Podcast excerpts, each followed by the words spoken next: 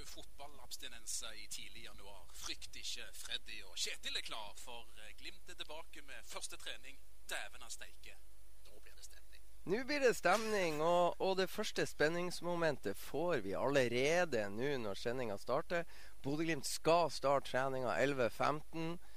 Det vi visste, er at de kommer garantert ikke til å være klar 11.15, så nå er det store spørsmålet hvor lang tid tar det før spillerne kommer ut og gjør seg klar til årets første trening eh, på Aspmyra?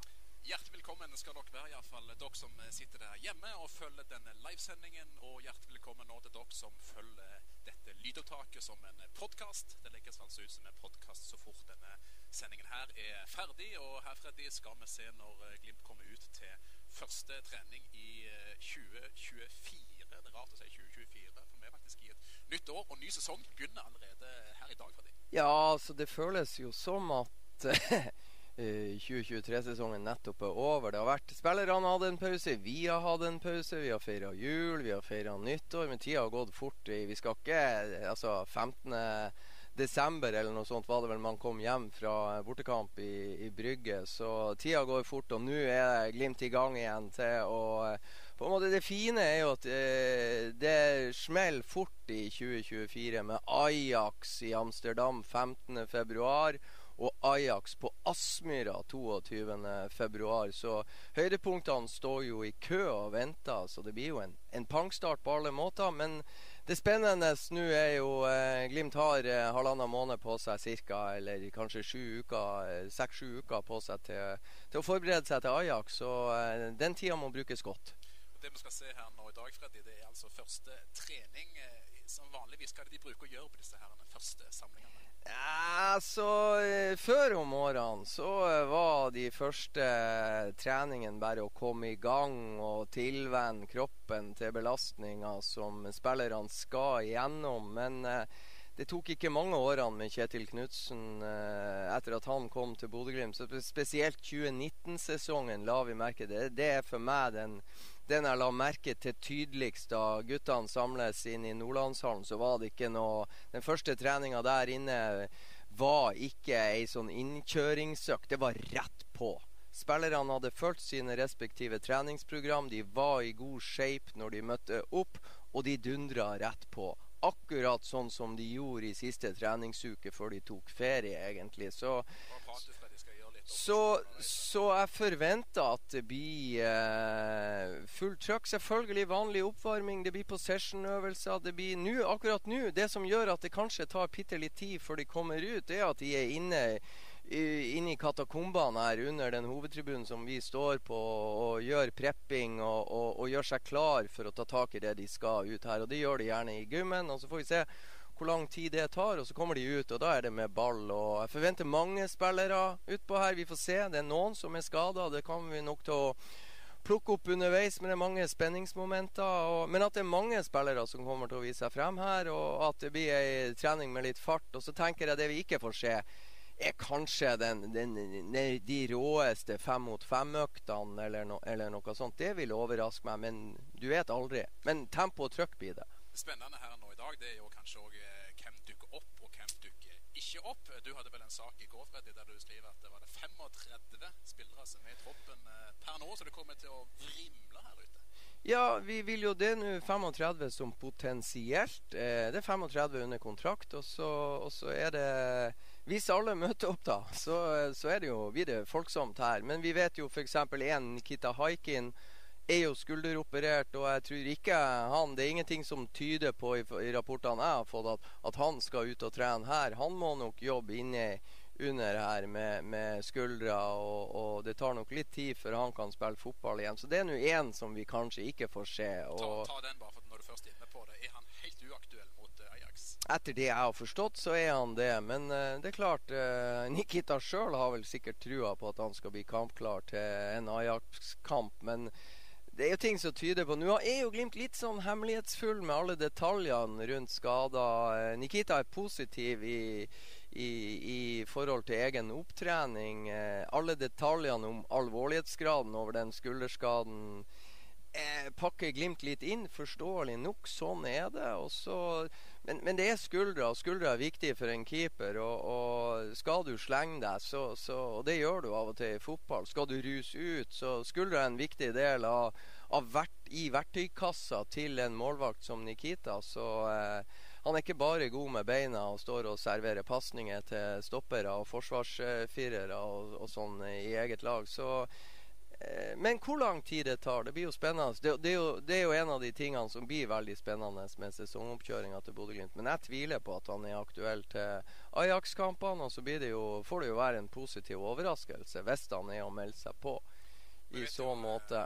Vi vet jo det, Freddy, at uh, du, eller ikke du, men i hvert fall våre kollegaer Trond Olsen var jo veldig tydelig på hva han mente om Julian Feie Lund eh, på tampen av fjorårssesongen. Eh, vi har sett diverse drypp fra fansen òg at det er kanskje ikke samme oppslutning rundt han som det er i en Nikita i, i uh, storslag. Hvor stort, eller hvor mye har det betydd at det er Julian som mest sannsynlig står mot Ajax, og ikke Nikita? Nei, altså Nikita er jo kanskje tryggere. Men jeg syns det som er poenget med, med Julian Faye Lund, er at han, han var lenge ute med skader. Han gjorde en seriøs og god jobb i opptrening og fikk tid til å, til å bruke uh, tid også på, på, andre ting enn den kneskaden sin. Han trente kroppen helhetslig og tok seg tid til det. Og så tenker jeg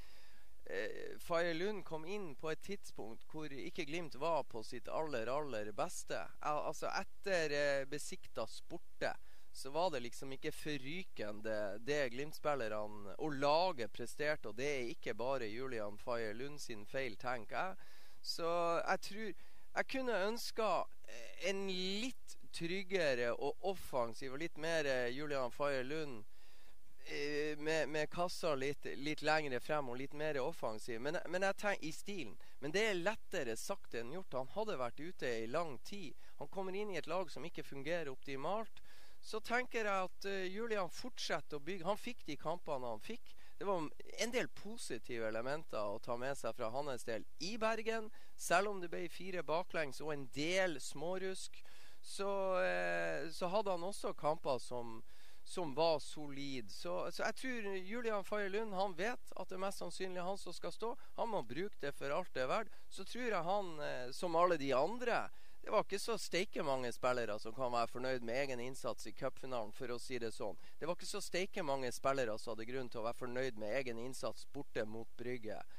Og, så her er det mange som har grunn til å være litt revansjesugen. Jeg tror Julian Faye Lund er en av de. Han har fått loggført i kampene, så må han bygge videre på det. Og da ser ikke jeg bort fra at uh, Julian Faye Lund bruker Nå Bodø-Glimt skal til Spania, de skal møte uh, Salzburg fra Østerrike, de skal møte Hammarby fra Sverige, de skal møte uh, Sparta Praha. Det er tre kamper som han skal bygge videre på. Så er det hjem til Bodø og trene litt mer. Og så er det tilbake til Spania og møte Malmö. Så vi kan få Det er jo andre omstendigheter, utvilsomt. Altså, når, når, han kom inn og på slutten av sesongen, så han ble på en måte kasta inn i det. Han vet hva som står på spill. Uh, nå har han liksom ei, en god periode uh, før neste kamp der han vet at han mest sannsynlig er det foretrukne valget. Vil det ha noe å bety, tror du, kanskje på selvtillit og sånne ting? Ja, altså på alt forberedelsesfase osv. Så, videre, og så, videre, så er det noe med? Selvtillit er ikke noe du bare får i, i posten eller våkner opp om morgenen. Men selvtillit får du gjennom gode prestasjoner i kamp. Nå får han på trening og i kamp og skal stå med det ansvaret osv. Så, videre, og så, videre. så eh, nå tror jeg Julian Faye Lund kommer til å vokse på det. Og så eh, altså Han må ta opp hansken og vise. ikke sant? Og det tror jeg han kommer til å gjøre. Han kommer i hvert fall til å prøve å gjør det. Og jeg tror at uh, han kan overraske på Han kan overraske mange. Det, det er hva jeg tror. For altså, han har noe. Han må bare få selvtilliten, tryggheten og det. Og det, det, er på en måte for å ta Patrick Berg.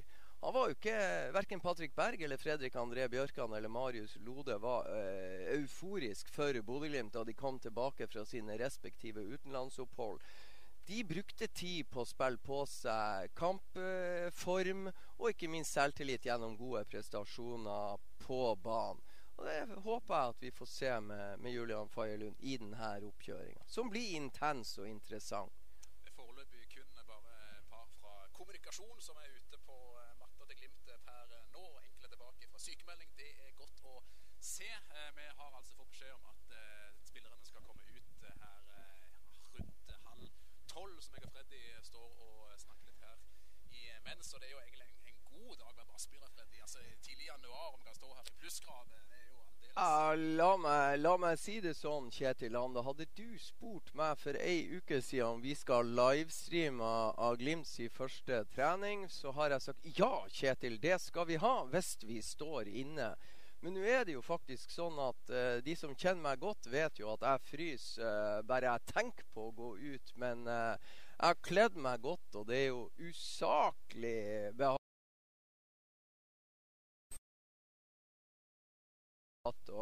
Her hadde det vært fullt mulig å ta opp et kamera og ta bilder uten å få neglebit.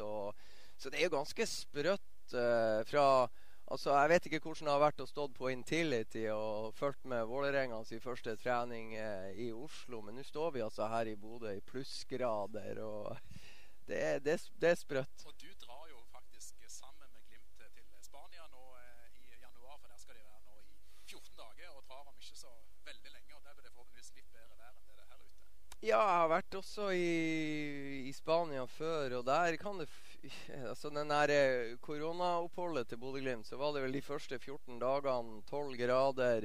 Så her skyer og lett duskregn i 14 dager. Og både vi og Glimt-spillerne lurte på hvor, hvor er vi igjen? Er dette Spania? Og det, det var jo en av grunnene til at de flytta fra Alicante og La Manga over til Marbella. Det var jo at det skulle være mye bedre vær der. Men, eh, men det er klart, når det snudde i Spania, så, så om du får 12, 12 eh, plussgrader og sånn her, eller om du får 22 og sol fra skyfri himmel, det er ikke så godt å si. Men det man kan garantere, det er at Bodø-Glimt får gode gressbaner på Dama di Noche, der de skal trene. Så, og det er jo gress, og det er å forberede seg på best mulig måte til det som venter på Johan Cruyff Arena i Amsterdam, som er det viktigste. Eh, Julian Feilund og Nikita Heiken har vi snakket om. Heiken har det vært litt eh, spenning eh, rundt. En annen del i spenning rundt det er jo en Runar Espejord som vi traff her oppe i gangen eh, nå før eh, sending, og virka meget eh, kvikk, får vi si. Han eh, skyndte seg å si at det går sikkert veldig fort over, men eh, Nei, du spør, du spør gleder du deg, Runar. Er du entusiastisk til sesongoppkjøringa? Er du klar? Ja, så får vi se. Det er sikkert ikke sånn i morgen. Han er iallfall på beina, og det er jo godt å se. Og hva, kan man forvente seg av Runar nå? For vi se han her ute nå i dag. Hva tror du om det? Ja det, det artige er jo Kjetil Ane. Vi har jo en del jenter i redaksjonen til Avisa Nordland som eh, Jeg har jo en mistanke om at Runar Espejord er deres favorittspiller. Så jeg har fått tekstmelding. Ja, tror du han Runar kommer til å trene? Så det er jo bra du tar opp tråden til, til våre kollegaer eh, tidlig. Eh, spissplassen er interessant for Bodø-Glimt, for Faris Pemi Monbanya eh, er i troppen til Kamerun og gjør seg klar til Afrikamesterskapet. Og så vil det jo vise seg eh, hvordan Kamerun gjør det der, hvor lenge han blir i Elfenbenskysten og konkurrerer på landslagsnivå.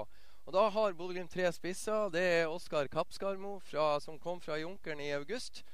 Han er skadefri og har vært skadefri og hatt ei en fin utvikling siden han kom til Glimt. Så har du Runar Espejord, som ikke har spilt eh, Han fikk vel 20 minutter på Letzigrund i Sveits i hele høst. That's it. Det er det han fikk. Ble operert i ankelen. Jeg tror vi får se han utpå her nå. Og det vi skal følge med på, det er hvor mye trener Runar med ball? Altså Hvor mange av øvelsene er han med på? Hva, tid, hva står han av, og hva er han med på? Det blir spennende. Og det blir også spennende med den nye spissen som ingen har intervjua. Kasper Høeg ble eh, Glimt-spiller første i første 2024 etter overgangen fra Stabæk han har heller ikke spilt fotball på et halvår. Han har, er blitt lyskoperert. Og vi har sett han på Aspmyr. Han var en del av eh, Han fikk lov fra Stabæk å ta turen til Bodø og gjøre eh, oppbygginga etter egen operasjon her i omgivelsene til Bodø. Var med på gullfesten på Oma. Der markerte han seg positivt. Så får vi se om også Kasper Høeg eh, hvor mye han eventuelt trener med ball. Om vi får se han utpå her. Det er de tre spissene som konkurrerer om å starte, etter min vurdering, da mot Ajax på bortebane. Hvis ikke Kamerun blir slått ut tidlig, og Faris Pemi Monbanya ikke er solgt,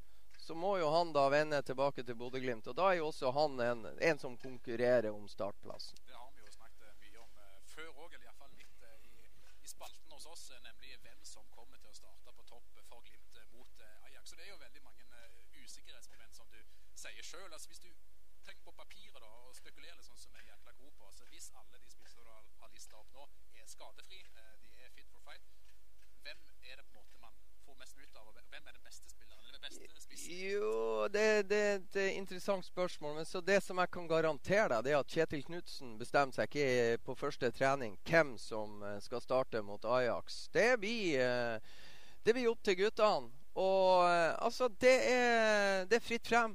Oskar, har du lyst til å starte? Vis det. Runar Espejord, har du lyst til å starte? Vis det. Kasper Høeg, har du lyst til å starte? Vis det.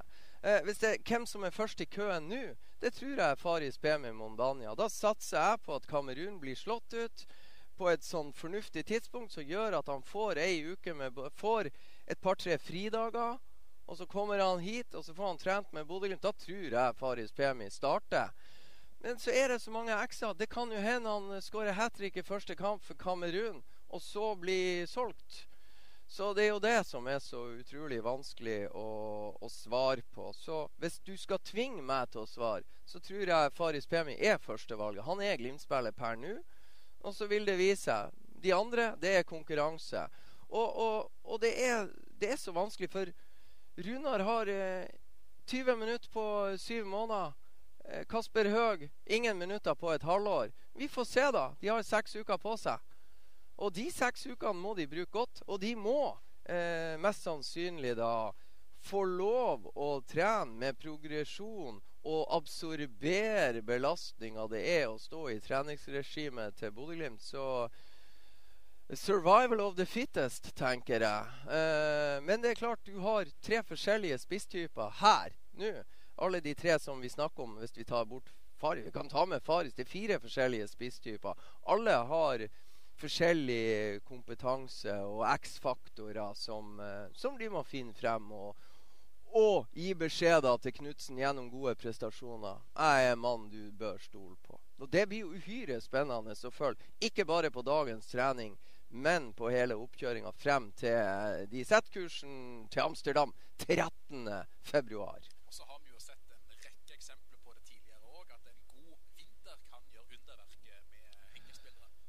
Ja, det er ikke det Nå har, eh, for å ta ungdomsrekka til Bodø-Glimt som per nå da Jeg må prøve å se om jeg husker. Det var jo 35 spillere. Men ikke sant? Petter Nåsa er én. Han er under 20. Fredrik Sjøvold er én. Jeppe Kjær er tilbake etter et suksessfullt eh, opphold i Sandefjord. Syver Skeide ble signert av Bodø-Glimt, utlånt til Hødd. Skal nå ta fatt på sin første oppkjøring med Bodø-Glimt. Han er supertalent, ikke sant? Og så har vi Daniel Bassi, som kom fra Tromsø. Ja, så har vi Tobias Gulliksen, som ble henta fra Strømsgodset primært for å være Glimt ser jo på han som en indreløpertype. Der har han en del i det her toveise, defensivt, offensivt, omstilling, forstå systemene, det komplekse systemet til Bodø-Glimt. Men det ene Det ene Nei. Nei. Hevder noen. Ja, men Hvor lenge har han tålmodighet til å være på benken? Hvor lenge vil han uh, finne seg i å ikke starte? Nei, men uh, det blir jo opp til han sjøl. Altså hvor, hvor, lang tålmodighet disse spillerne har, det skal ikke jeg svare på. Men uh, har de valgt å signere for Bodø-Glimt, så, så, er det heftig skitt å være en del av, av regimet her. Hugo Vetlesen er kanskje det beste eksempelet. Han ble henta fra Stabæk og hadde nærmest loggført 100 eliteseriekamper for Stabæk og skulle rett inn i laget. og... Uh, Klarte ikke å stå i eh, kampen mot benkesliteren fra Ålesund, Sondre Brunstad Fet, som eh, litt i forkant hadde tatt turen fra benken i Ålesund til Bodø-Glimt. Og, og eh, Sondre Brunstad Fet holdt, holdt Hugo Vetlesen ute av laget lenge. Og eh, Hugo Vetlesen sto i dritten, hadde lyst til å spille, var uenig med treneren. Kjetil Knutsen sto på sitt. Og eh, Hugo ble jo en toveisspiller og ble forrykende god. Og er en av de som kanskje har løst den problemstillinga du trekker frem her. Hvor lang tålmodighet har du, Tobias Gulliksen? Så er jo Hugo Vetlesen beviset på hvor uh, hvor bra det kan gå hvis du er tålmodig og, og bare gjør uh, jobben. Har vi dårlig lyd? jeg tror nå skal vi begynne veldig mye bedre har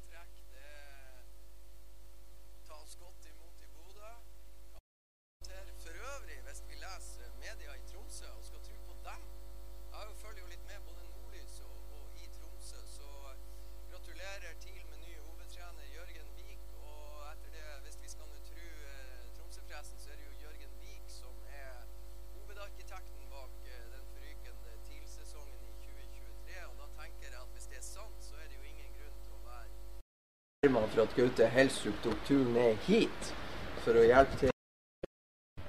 Så det var nå en liten digresjon.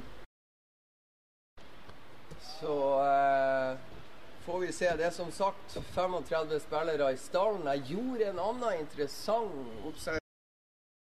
Kjetil starta sendinga her. Eh, det er mange som har stilt seg spørsmål ved Omar El Abdel.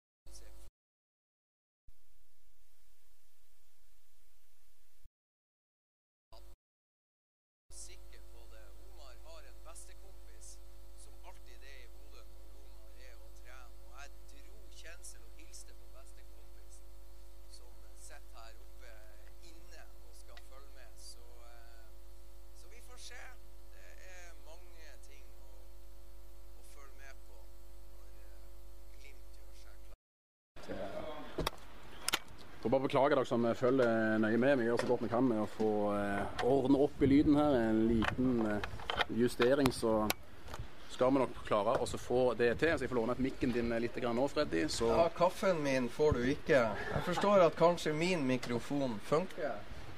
Så eh, Men det som er, det var ikke meninga at vi skulle stå her og prate eh, Det her, ja. Fra Daniel Pedersen.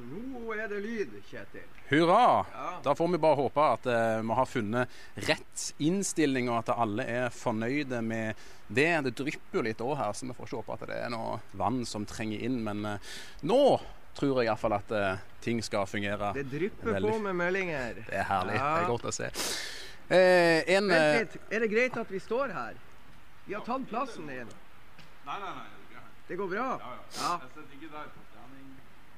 Bare sjekka. Da har vi klarert med Erik Holstad at vi får lov å låne Erik Holstads plass her på Aspmyra.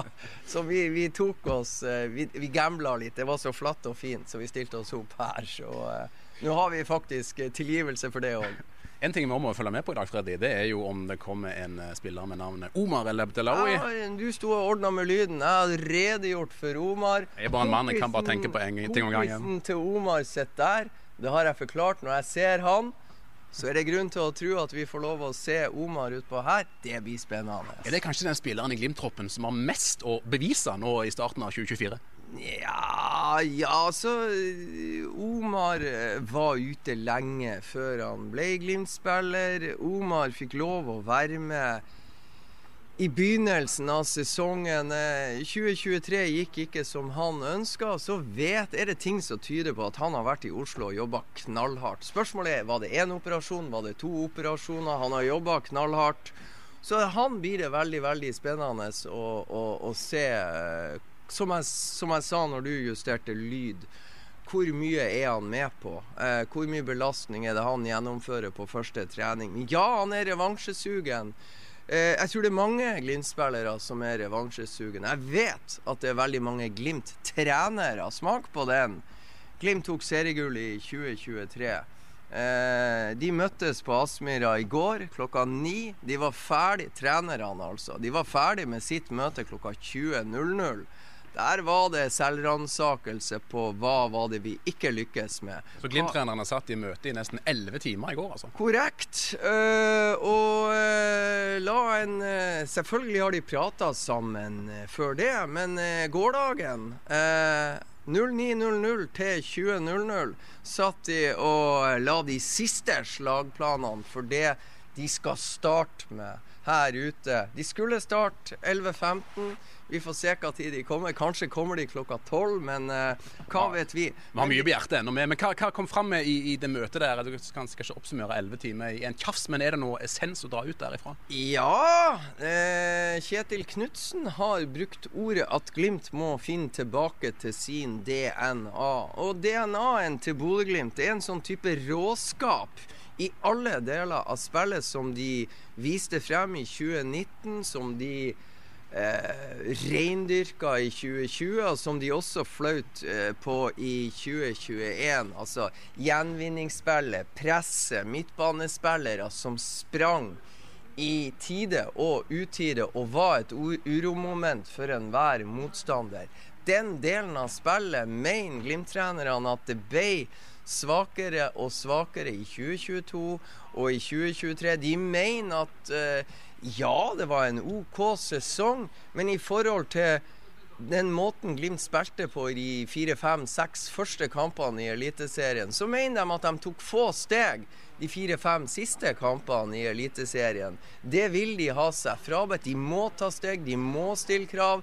Det er flere enkeltspillere som burde tatt steg, som ikke tok steg. Laget tok ikke steg, og det kommer de til å jobbe knallhardt med for å få til i 2024. Så det er en veldig, veldig revansjelysten trenerstab som skal prøve å overføre akkurat denne eh, samme mentaliteten over på spillergruppa i inngangen til 2024. Så gjenstår det å se om de klarer det.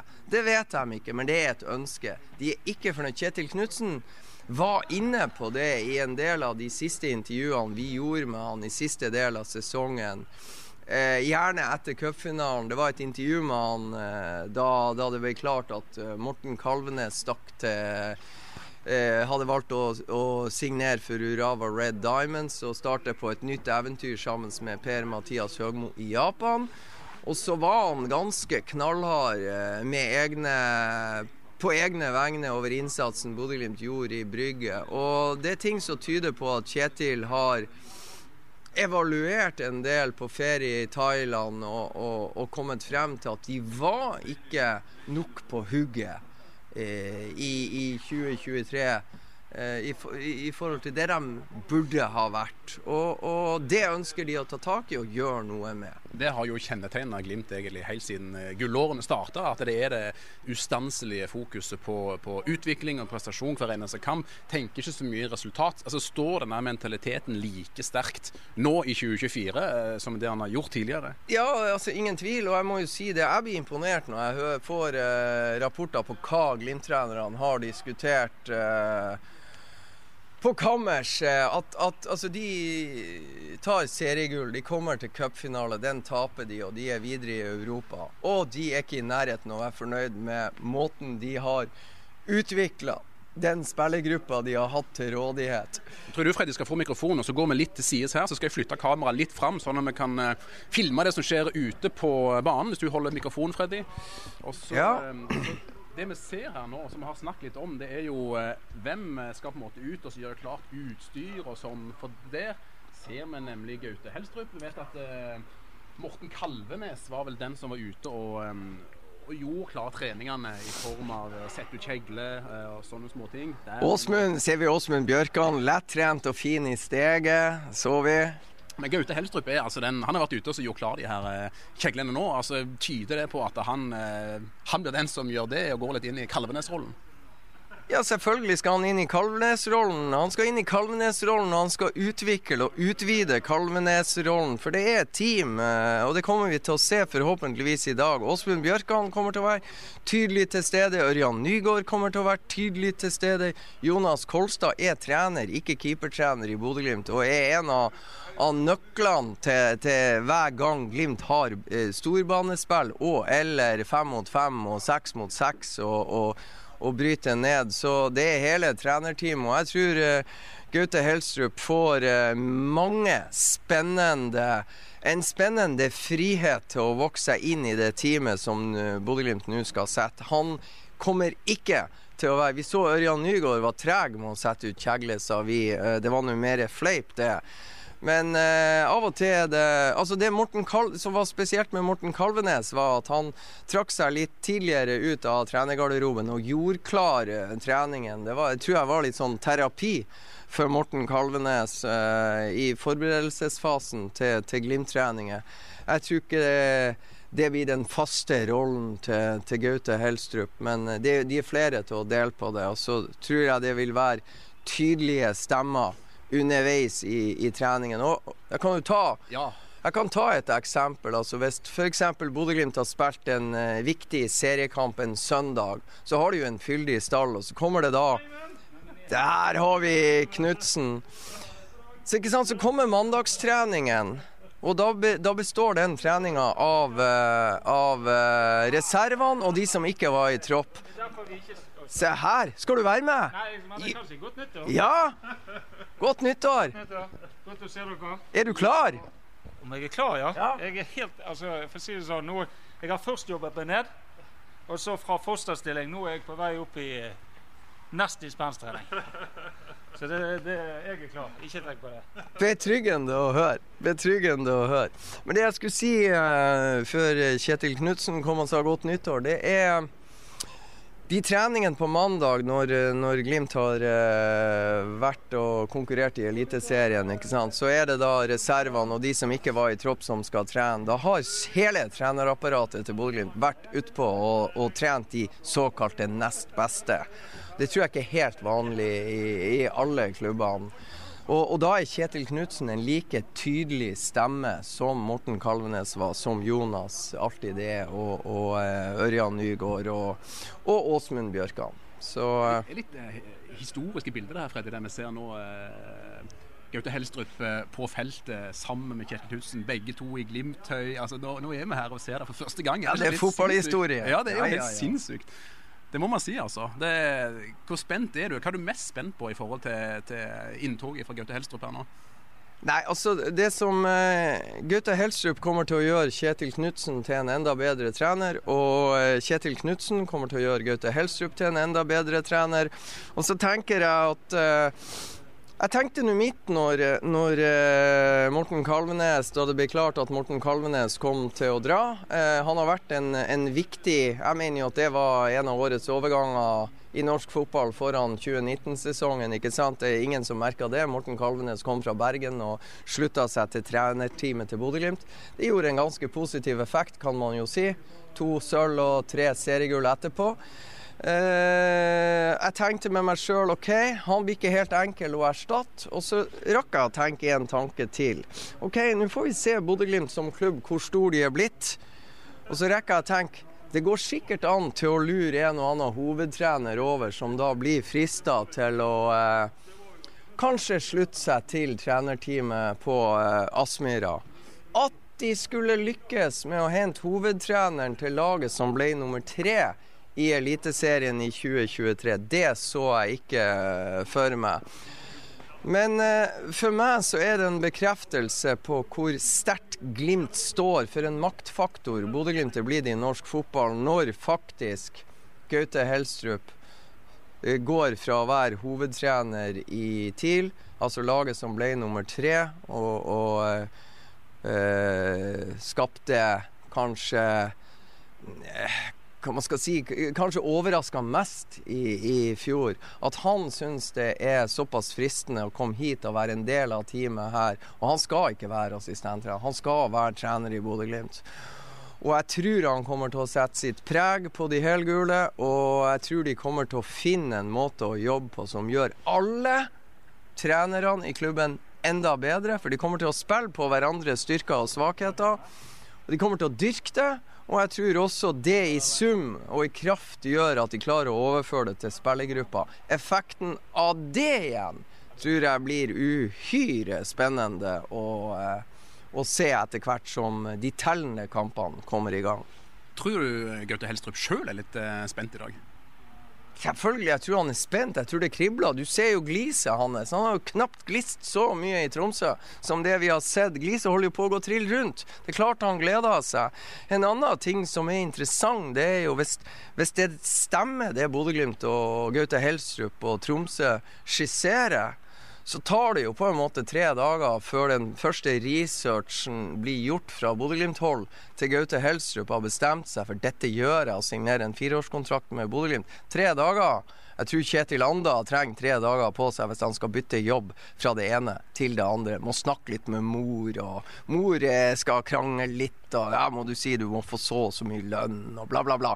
Men altså, tre dager, det er ikke lang tid på å ta en såpass stor avgjørelse. Og det at det bare tok tre dager, tror jeg at uh, Gaute Helstrup og familien kjente på alle mulige vis at dette er riktig, dette vil jeg. Og det er jo veldig positivt for Bodø-Glimt. Vi ser jo òg eh, Helstrup som holder på å sette ut eh, utstyr. Det kommer òg flere folk ut på feltet etter eh, hvert, eh, som vi ser her nå. Eh, men de er jo òg ikledd eh, nytt tøy, Freddy, og Puma for første gang, hvis jeg husker rett. Ja, og det er jo første pumaen kommet på banen. Han heter Fredrik André Bjørkan. Og eh, han er jo en puma langs venstrebekken og venstresida. Ikke bare bekken, han er jo all over the place på, på, på venstresida. Så ja, nytt utstyr. Eh, Vet, jeg hører at det tar litt tid med de nye draktene. Jeg har nå spurt hvordan de ser ut. Har dere sett de? Blir de bra? Blir de stilige? Blir de gule? Uh, ja, de blir gule. det er vel det eneste Håvard Sakariassen har røpa, og han syns de er litt tøffe. Men det vil ta litt tid. Og da er jo spurt skal dere spille i Diadora i treningskampene i Spania, eller blir de nye Puma-draktene klar til det? Nei, i Spania blir det faktisk litt sånn alternativ drakta. Det er jo et spenningsmoment som Glimt-fansen kan følge litt med på. For det er jo mye nerding å følge med på for eh, de som er glad i fotball. Så vi ser eh, Fredrik André Bjørkan er kommet ut med Åsmund. Og her kommer Omar El Abdelaue. Der ser du. Der, ja. Bare følg med. Hilse til kamera. Tommel opp. Ser meget frisk ut. Ja. Gjenstår jo å se. Det jeg skulle spørre om, Freddy Åge, i forhold til Omar, det er jo selv om han, Omar skulle være fit for fight nå etter hvert, det er ikke bare bare å gå inn og spasere inn og, ta den plassen fra Brisveen Mangomo heller? Nei, Brisveen Mangomo er en som etter, etter min vurdering så er Brisveen Mangomo en mye bedre fotballspiller enn det han fikk bevist i veldig mange kamper for Bodø-Glimt. Så jeg forventer mer av, av Brisveen Balgomo. Det håper jeg at vi får se i 2024. Og kanskje eh, blir det et, eh, det at Omar eventuelt kommer tilbake og eventuelt absorberer treningen her, et kick i ræva også på Brisveen Bagomo. For eh, det er for mange som sto på stedet hvil, hvil. Her må du følge med. Kasper Høeg, ny Glimt-spiller. Der, ja. Hoppa og sprett. Se. Det er jo eh, stilig. Godt å se at han er Ser du hvor sterk han er? Han ser jo kjempesterk ut. Han tuller du ikke med hvis du treffer han i ei bakgate en lørdag kveld i Bodø sentrum. Jeg kjenner at jeg, står, jeg er glad jeg står her oppe, for han ser, uh, han ser ut som en kraftpakke. Ja, det gjør han jo absolutt. Sånn spilletypemessig er han liksom opp mot, uh, mot uh, Fares Pemi, som òg kan karakteriseres som en kraftpakke. Eller hva er forskjellen på de to som, som spisser? Det herlige med Kasper Høeg er at uh, han er en jeg tror han Han kommer jo fra Han heter Kasper og kommer fra Stabæk. Glimt henta i sin tid en Kasper som kom fra Stabæk. Han heter Junker til etternavn og skåra 27 mål på 25 kamper. Det er ikke en kopi av Kasper Junker som kommer, men jeg tror han har At Kasper Høeg har den, den samme frekkheten, sluheten og, og, og den samme jævelen i seg som var med og gjorde at Kasper Junker skåra så mange mål som han gjør.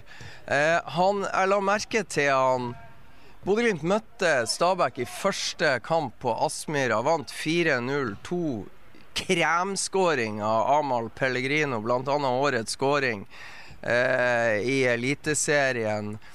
Det jeg la merke til med, med Kasper Høga altså Han minner meg litt om en eh, Stig Johansen i superform, som syns det var vel så artig å kakke litt eh, på leggene og anklene. Og litt sånn ufin i duellene med stopperne. Så jeg tror Kasper Høeg har det i seg til å være en sånn spisstype som samtlige midtstoppere i Eliteserien hater. Og hvis du har den egenskapen i deg, i tillegg til å være småsterk, ufin, målfarlig, hardtarbeidende ja, da har du et godt utgangspunkt å jobbe med. Så blir det veldig spennende å se hvordan han tilpasser seg Glimt sin måte. Han sprenger mye, han er villig til å gjøre drittjobben i presset. Kunne kanskje ha ønska at han var hakket kjappere. Han er ikke så kjapp på de to-tre første meterne og stikker. Så en sånn krysning av Erik Botheim og Kasper Junker med Stig Johansen sin faenskap i det der å plage motstanderne. Altså En av de siste kampene han spilte i Eliteserien, var jo å pådra seg rødt kort på Romsa mot Tromsø, og det er jo et, et bra tegn, tenker jeg.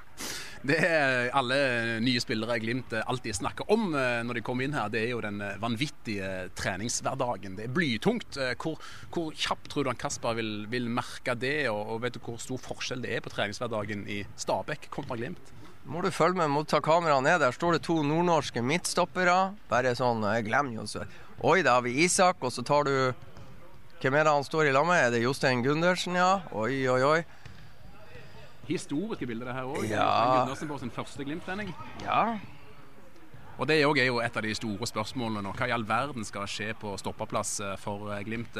Mange har eh, ment mye. Fasiten får vi ikke før i Amsterdam om noen uker, men nå får vi kanskje se noe allerede i dag Freddy, hva, hva forskjellen er på de, og hva som er styrkene og svakhetene? Ja, det kommer jo an på hvilke hvilken trening vi får se. Men ja, Glimt har mange midtstoppere, og de har gode midtstoppere. Glimt har egentlig tre spillere Altså, tre mann som konkurrerer i samtlige posisjoner på lag. Jeg ser vi Ulrik Saltnes i lett riv. Han ser jo også veltrent ut. Nå er det jo eh, oppvarming med Ørjan Nygaard. Eh, spørsmålet du dro, du dro over til fra spiss til midtstopper, men, men eh, alle de nye Godt nyttår, Tor. Gjør sånn. Så så eh, Nei, altså for å ta spissene først. Det, det er alltid spent, eh, spennende med, med hvordan, eh, hvordan vil Kasper Høeg tilpasse treningsregimet her. Det må vi nok bruke litt tid på. Jeg tror de fleste vil merke det. Og så er det noen som løser det bra, og noen som sliter litt. Og de svarene får vi ikke før de kommer skikkelig i gang. Eh, og angående stoppeplass så er det seks eh, rutinerte, meritterte midtstoppere i tillegg da til eh, Eller eh, det er fem rutinerte eh, meritterte stoppere. Så har du Stian Kristiansen da som kom fra Junkeren. og Alexander van der Spa fra, som har eh, kontrakt med Glimt, men er egentlig en del av akademiet da, og skal trene så og så mye med A-laget. Men jeg tipper at han eh, Etter det jeg forstår, så, så eh, kommer han antageligvis til å spille for Junkeren i andredivisjon, som han gjorde i, i, høstsesongen i fjor. Og det vil jo være en veldig fin utviklingsarena for en unggutt som eh, Alexander van der Spa, som da har en storebror som heter Andreas van der Spa, som foran denne sesongen har signert med eliteserielaget Sandefjord, så det er jo kjempeartig. Han forlot jo Bodø og dro til Øygarden og var vel i eh, Arendal, tror jeg, videre til Sogndal. Har vært i Sogndal noen år, og nå har han endelig fått kontrakt med Eliteserien, så det beviser jo at det er mange veier opp og frem og mange veier til Rom, og der er ikke noe fasit. Andreas van der Spa har tatt den litt tunge veien, stått i det, tatt steg, og nå har han fått seg eliteseriekontrakt, og det er veldig bra, bodøværing. Kasper Øyvand er jo en annen bodøværing som ble veid og funnet for lett her. Dro til Mjølner på utlån. Uh, Flytta til Tromsø for å spille for Tuil. Der gjorde han det veldig godt. Blir signert av TIL, tok vare på sjansen der og henta til Molde og spiller da Europa League for Molde og blir cupmester med Molde. Så ja, en annen bodøværing. Så nei da, det er mange veier opp og frem. Men du ser også en annen en, som, som du ser. Amal Pellegrino er på trening. Det som er driten om når vi kun gikk over til en mikrofon, det er at det er jo umulig å ta mikrofonen ifra dem, for du prater jo et chat. Og det er jo helt konge. Men jeg må få snike inn noen spørsmål òg. Du, du, begynte litt på det sjøl òg. Eh, er det noen vi, vi, ser her nå som det var spenning rundt? Er det noen vi ikke ser? Du sa sjøl Amal Pellegrino er på plass. Han er ikke i Afrikamesterskapet?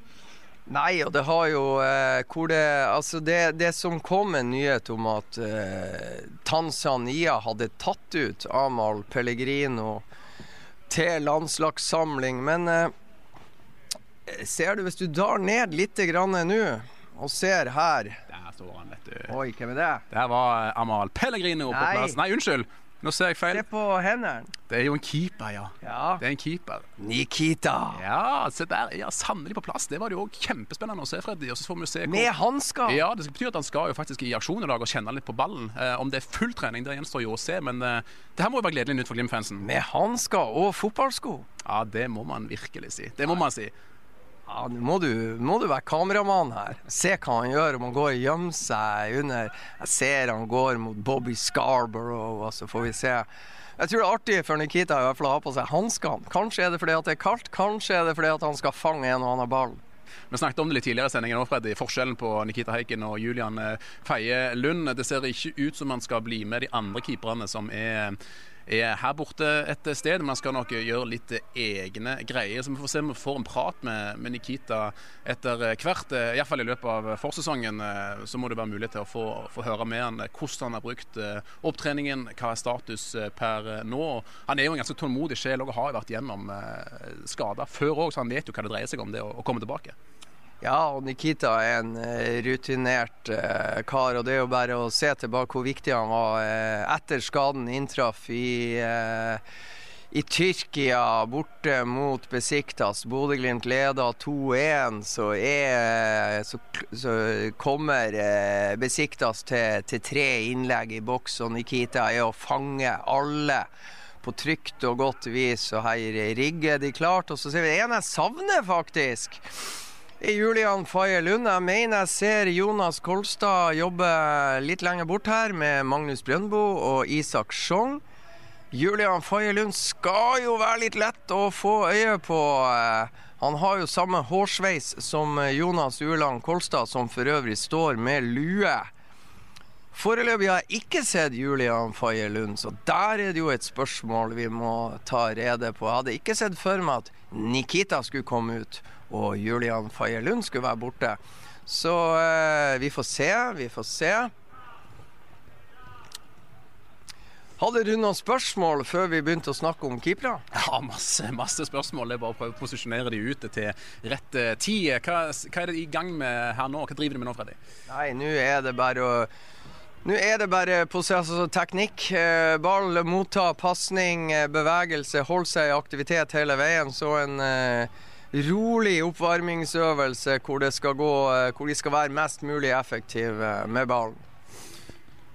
Her ser vi Almal Pellegrino og i eh, bildet en mann det knyttes eh, veldig stor eh, spenning rundt. Ja, nå var du der med Amal Pellegrino. Sorry at jeg Se her Nei, Amal Er det Julian som kommer her, tror jeg? kan vi ta altså zoome litt inn på han, så vi får et litt nærmere blikk? Nei, det er ikke det. Det er ikke det. Det så bare i ryggen. Eh, Amahl Pellegrino ble tatt ut eh, på landslaget til Tanzania. Han har jo flere ganger blitt tatt ut på landslaget til Tanzania. Han har alltid takka nei. Og det er jo grunn til å tro da at siden han er her, så har han takka nei også denne gangen. Så det er bare det at det har aldri blitt bekrefta i norsk eh, presse. Så eh, Amahl har kontrakt med Bodø-Glimt ut 2024. Og eh, han skåra 24 mål, hadde 14 assist og sørga for å vippe Filip Sinkernagel eh, ned av trona for den med flest målpoeng i Eliteserien. Filip hadde vel 37. Amahl står på 38, har rekorden. og Amahl Pellegrino er foreløpig Glimt-spiller, og blir han Glimt-spiller i 2024, så regner jeg med at målet hans er å smadre egen rekord ganske greit. Det er jo en evig diskusjon det der òg. Altså, skal man gå til f.eks. Saudi-Arabia, som man var linka til nok en gang i, i, fjor, eller skal man på en måte bli værende i Glimt, der man er i trygge rammer, og økonomien kan jo selvfølgelig ikke måle seg med det man får i, i utlandet. Men, men, kan du forstå det litt òg, Freddy, disse som går til, til, klubber og land der økonomien eh, er på et helt annet nivå. De kan sikre seg for, eh, for resten av livet og, og gjøre på en måte mest mulig ut av en ganske kort fotballkarriere. Ja, jeg kan forstå det. Og, og uh, i Tromsø så er de jo sur fordi at på en måte Runar Espejord gikk til Glimt, uh, Jostein Gundersen gikk til Glimt. Men det er jo en del av, av fotballens natur. Spillere kommer og går. Det er én ting som består, og det er på en måte det er på en måte livets lodd, som f.eks. Eh, ihuga fotballsupporter. Altså, eh, ingen, etter min vurdering så er det ingen i Glimt som er større enn klubben Bodø-Glimt. Det er ingen oppe i Tromsø som er større enn klubben Tromsø. Og det er ingen i Rosenborg som er større enn klubben Rosenborg, ikke sant? Og i det systemet der, trenere kommer og går, styreledere kommer og går, spillere kommer og går, klubben består. Og du heier på din klubb, og sånn skal det være. Og det er klart at, at uh, når du er fotballspiller og, og, eh, og, uh, du tjener mer penger i Saudi-Arabia, i England, i Frankrike, i Tyskland enn du gjør i norsk fotball. Glimt-spillerne har kommet opp på et rimelig anstendig nivå. Gjør de det bra sportslig, så er det bonuser for seriegull. Det er bonuser for per poeng du tar i Europacupen. Det er bonuser for å komme inn i Europacupen. Og jo større sportslig suksess du har, jo mer og bedre tjener du. Men det er klart det med en gang eh, For å ta lille Lugano som ingen bryr seg om i gruppespillet i Conference League, så er budsjettet til klubben Lugano, som Bodø-Glimt spiller 0-0 mot, og vinner 5-2 mot på Aspmyra. Budsjettet til den klubben er dobbelt så høyt som Bodø-Glimt. Jeg tenker det at det er en og annen Lugano-spiller som uten bonusavtalene til Bodø-Glimt, ikke sant, tjener dobbelt så bra som Glimt-spillerne. Det er bare sånn verden er skrudd sammen. og... Eh, så ja, jeg forstår hvis man uh, tar en, uh, en råsjanse og går for pengene. Og Spesielt i Amahl Pellegrino sitt tilfelle. Han er 33 år. Får han muligheten? Ingen som vet. Jeg vet ikke om han får det. Dukker det opp, så tenker jeg at det frister. Men jeg vet ikke, jeg sitter ikke inn i hodet hans. Men jeg forstår hvis han, avgjør, hvis han tar avgjørelsen om å dra. Men nå, nå, så vi jo senest en nyhet i dag før vi gikk live her, at den tidligere Glimt-favoritt Joel Mvuka skal på utlån fra klubben han gikk til. Han gikk jo til Lorient i, i fjor. Um, og skal nå på et lån til, til Red Bull Salzburg. Har ikke helt Young, Young Unnskyld, Young Ja, det er helt sant. Og vi har ikke akkurat helt fått det til å fungere i sin nye klubb. Så det er aldri noen garanti heller med en overgang at du, at du er på samme nivå som det du var i klubben du gikk ifra. Nei, det er ikke det. Og, og er det én ting vi kan garantere, så er det at Joel Mvuka tjener mer penger i Lorient enn han gjorde i Bodø-Glimt. Hvor mye mer kan vi jo bare spekulere i. Og så er det en annen ting i Joel sitt tilfelle. Han spiller jo mye mindre fotball i Lorient enn han gjorde i Bodø-Glimt. Og så er det da må dette veies opp mot eh, det andre. Og noen velger det, og andre velger noe annet. Joel dro, tjener bedre, spiller mindre enn Anna, som også dro. Ola Solbakken dro til Roma tjente bedre, spilte mindre, ble utlånt til Olympiakos, spilte om mulig enda mindre der. Og er etter det siste vi hørte, på vei til et nytt utlån til Urava Red Diamond, så skal da trenes av Per-Mathias Høgmo og Morten Kalvenes. Så eh... en, en, en, norsk koloni der nede. Men, men legg merke til nå, Freddy. Jeg ser jo Gaute Hølstrup er jo veldig aktiv her nå. Inne og gir tydelige beskjeder. Eh, er det en rolle som Knutsen bruker å ha på trening, eller, eller hvordan ser du på det? Ja, altså Glimt-trening det er ikke noe regel at han sier ditt og han sier datt og ingen har lov å prate. Det som kjennetegner Bodø-Glimt er at det er mange som er veldig tydelige. Og det er Morten Kalvenes og Kjetil Knutsen som har vært de tydeligste. Og så tenker jeg at uh, Gaute Helstrup og Kjetil Knutsen kommer til å være de tydeligste i 2024. Bortsett fra også når det er heftige spillsekvenser. Da pleier Jonas Uland Kolstad å være veldig tydelig. Så uh, Åsmund Bjørkan har sagt, vet jeg, at uh, han har en svakhet som trener. Han har for lite kraftfull stemme. Så eh, han trives bedre med å gå og jobbe én og én. Men Åsmund kommer til å være tydelig, også han, utpå her. Så pleier det å være litt for fordeling, da. At denne øvelsen er det du som leder mest. Den neste øvelse er det jeg som leder mest. Og så kan det være en tredje øvelse der det er en annen. Så de pleier å fordele litt seg imellom. Ser Kjetil Knutsen i bildet her. Eh ikke så mye inne og gir uh, føringer på denne øvelsen. her. Gaute Helstrup er veldig aktiv og hører han har en uh, kraftfull og god uh, stemme òg. Men hvis vi prøver å gjøre en liten oppsummering nå, Freddy, av hvem vi ikke har sett. Altså Har vi sett f.eks. En, en, en Lukas Kuber, Gaute Vetti, Fet er han her, Jeppe Kjær. Faris vet vi ikke er her. Hva med en Mats Pedersen? Ja, det er bra. Nå er de jo så langt unna. Jeg begynner jo å bli en eh, 53 år gammel mann, så eh, jeg må prøve å få et, eh, et, lite inntrykk. Det jeg kan si, er at Lukas Kuber er ikke utpå her. For eh, vår venn fra Tsjekkia, som oppvokste eh, oppvokst i Belgia og eh, kom til Bodø-Glimt fra Sint-Tryden, han ble helt på tampen av 2023-sesongen operert i ankelen. En skade han har på en måte slitt litt med. Så Lukas Kuber er under re, sånn rehab etter operasjon, og det er grunnen til at han ikke er utpå her. Og så må jeg på en måte prøve å se. Uh, ser Oskar Kappskarmo, jeg har sett Marius Lode, jeg har sett Albert Grønbæk, jeg har sett Omar, jeg har sett Amahl. Pellegrino, Ulrik Saltnes så vi. Brede Mo ser vi. Brede snakka litt med Der er Håvard Sakariassen, ser vi.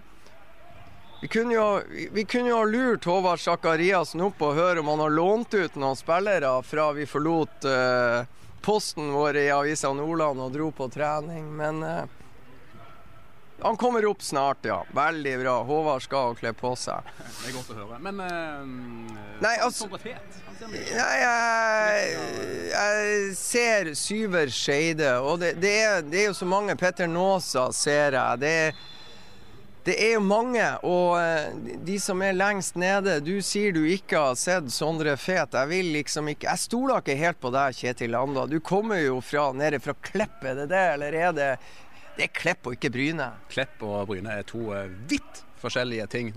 Og det tuller du ikke med. altså. Det er to forskjellige kommuner. Bryne er jo det tilhørende Time kommune, men Klepp er til og med egen kommune. så... Sant, det er som å pisse i kirka. Men hvor lang avstand er det fra Klepp til Bryne stadion? Stadion, hjemmebanen til Klepp og hjemmebanen til Bryne. Hvor langt er det hvis du kjører fort? Hvis du kjører fort à la Tom Melby, så vil jeg si at det tar en ti minutter. Så det er jo ikke enorme avstander, nei. Da, det, det jeg syns var så jeg, hadde en mistanke om det, for jeg, jeg er ikke Tom Melby, så jeg brukte 14 minutter, mener jeg det var jeg husker. Men, men det er klart, det må, du må skille Klepp, ikke sant, det er ikke Bryne. Men eh, greia er at eh, jeg må bruke litt tid bare på å være helt sikker på at du har eh, sett rett, for plutselig Sondre Fet er en slu rev, så plutselig så har han kledd på seg ei lue som gjør at ikke vi kjenner han igjen. Skal vi gjøre, skal vi gjøre en liten nær sveip her, Fredrik? Prøve å se på monitoren her eh, i lag. Eh, ingen eh, Sondre her, som vi kan se. Der ser vi Kasper Høeg, og der eh, Runar Espejord. Ja, ja, ja. Runar er der. Da blir eh, halve redaksjonen vår fornøyd. Ingen fet her. Tobias Gulliksen så vi. Der er vel Petter Nåsa Dahl som også er her. Der er Nåsa, ja. Det er videre. Her er det vel heller ingen Sondre Fet, så vidt vi kan ja, se. Har vi Nino, vel, og Patrick Nei, det var Fredrik og Patrick. Der har vi Omar. Så ser vi Albert og Odin Bjørtuft og Brede Mo. Hvem er det nedi kroken der? Hvor du vil hen? Her? Ja, der. Blå sko. Se her, tar armhevinger. Har ikke gjort jobben. Adam Sørensen der. Isakke blid og fornøyd. Fredrik Sjøvold er der. Den som tok armheving Ja, Stian Kristiansen. Ja. ja. Som kanskje må eh, forberede seg på et lån denne vinteren her. Ja, vi får Hvem se. Vet? Hvem vet. Men eh, da tror jeg vi har vært gjennom eh, alt som er her nå i dag. Bassi, vet du. Gulliksen, Lode, Bjørtuft, Sugell, Sørli. Jostein Gundersen i lag med Isak, ja. De er blitt venner allerede. Syver Skeide ser vi her. Nei, jeg tror du har rett. Eh, Klepp store keepersønn. Ingen Sondre Brunstad Fet på årets første Glimt-trening. Eh, det kan jo være hva som helst det, er, Freddy, men eh, godt nytt trenger det jo ikke nødvendigvis være. Nei, det, jeg tror ikke det er noe dramatikk. Her kommer Håvard Sakariassen, og nå må du bare slå deg løs og kan jeg gå og hente kaffe til oss? Gjør det. Freddy går og henter kaffe, så kan jeg og Håvard stå her og prate litt. Eh... Nei, jeg går og henter kaffe. Ja, ja. Skal du ha? Nei. Ta en til meg og Freddy, er du grei? Skal vi ta og prate litt? Eh, hei, Håvard, og godt nyttår. Godt nyttår. Hvordan er det å være tilbake på feltet igjen? Nei, det kjennes jo nesten bare ut som ei langhelg, det her. Så, uh, men det er flott å se de, se de i gang på Aspmyra igjen.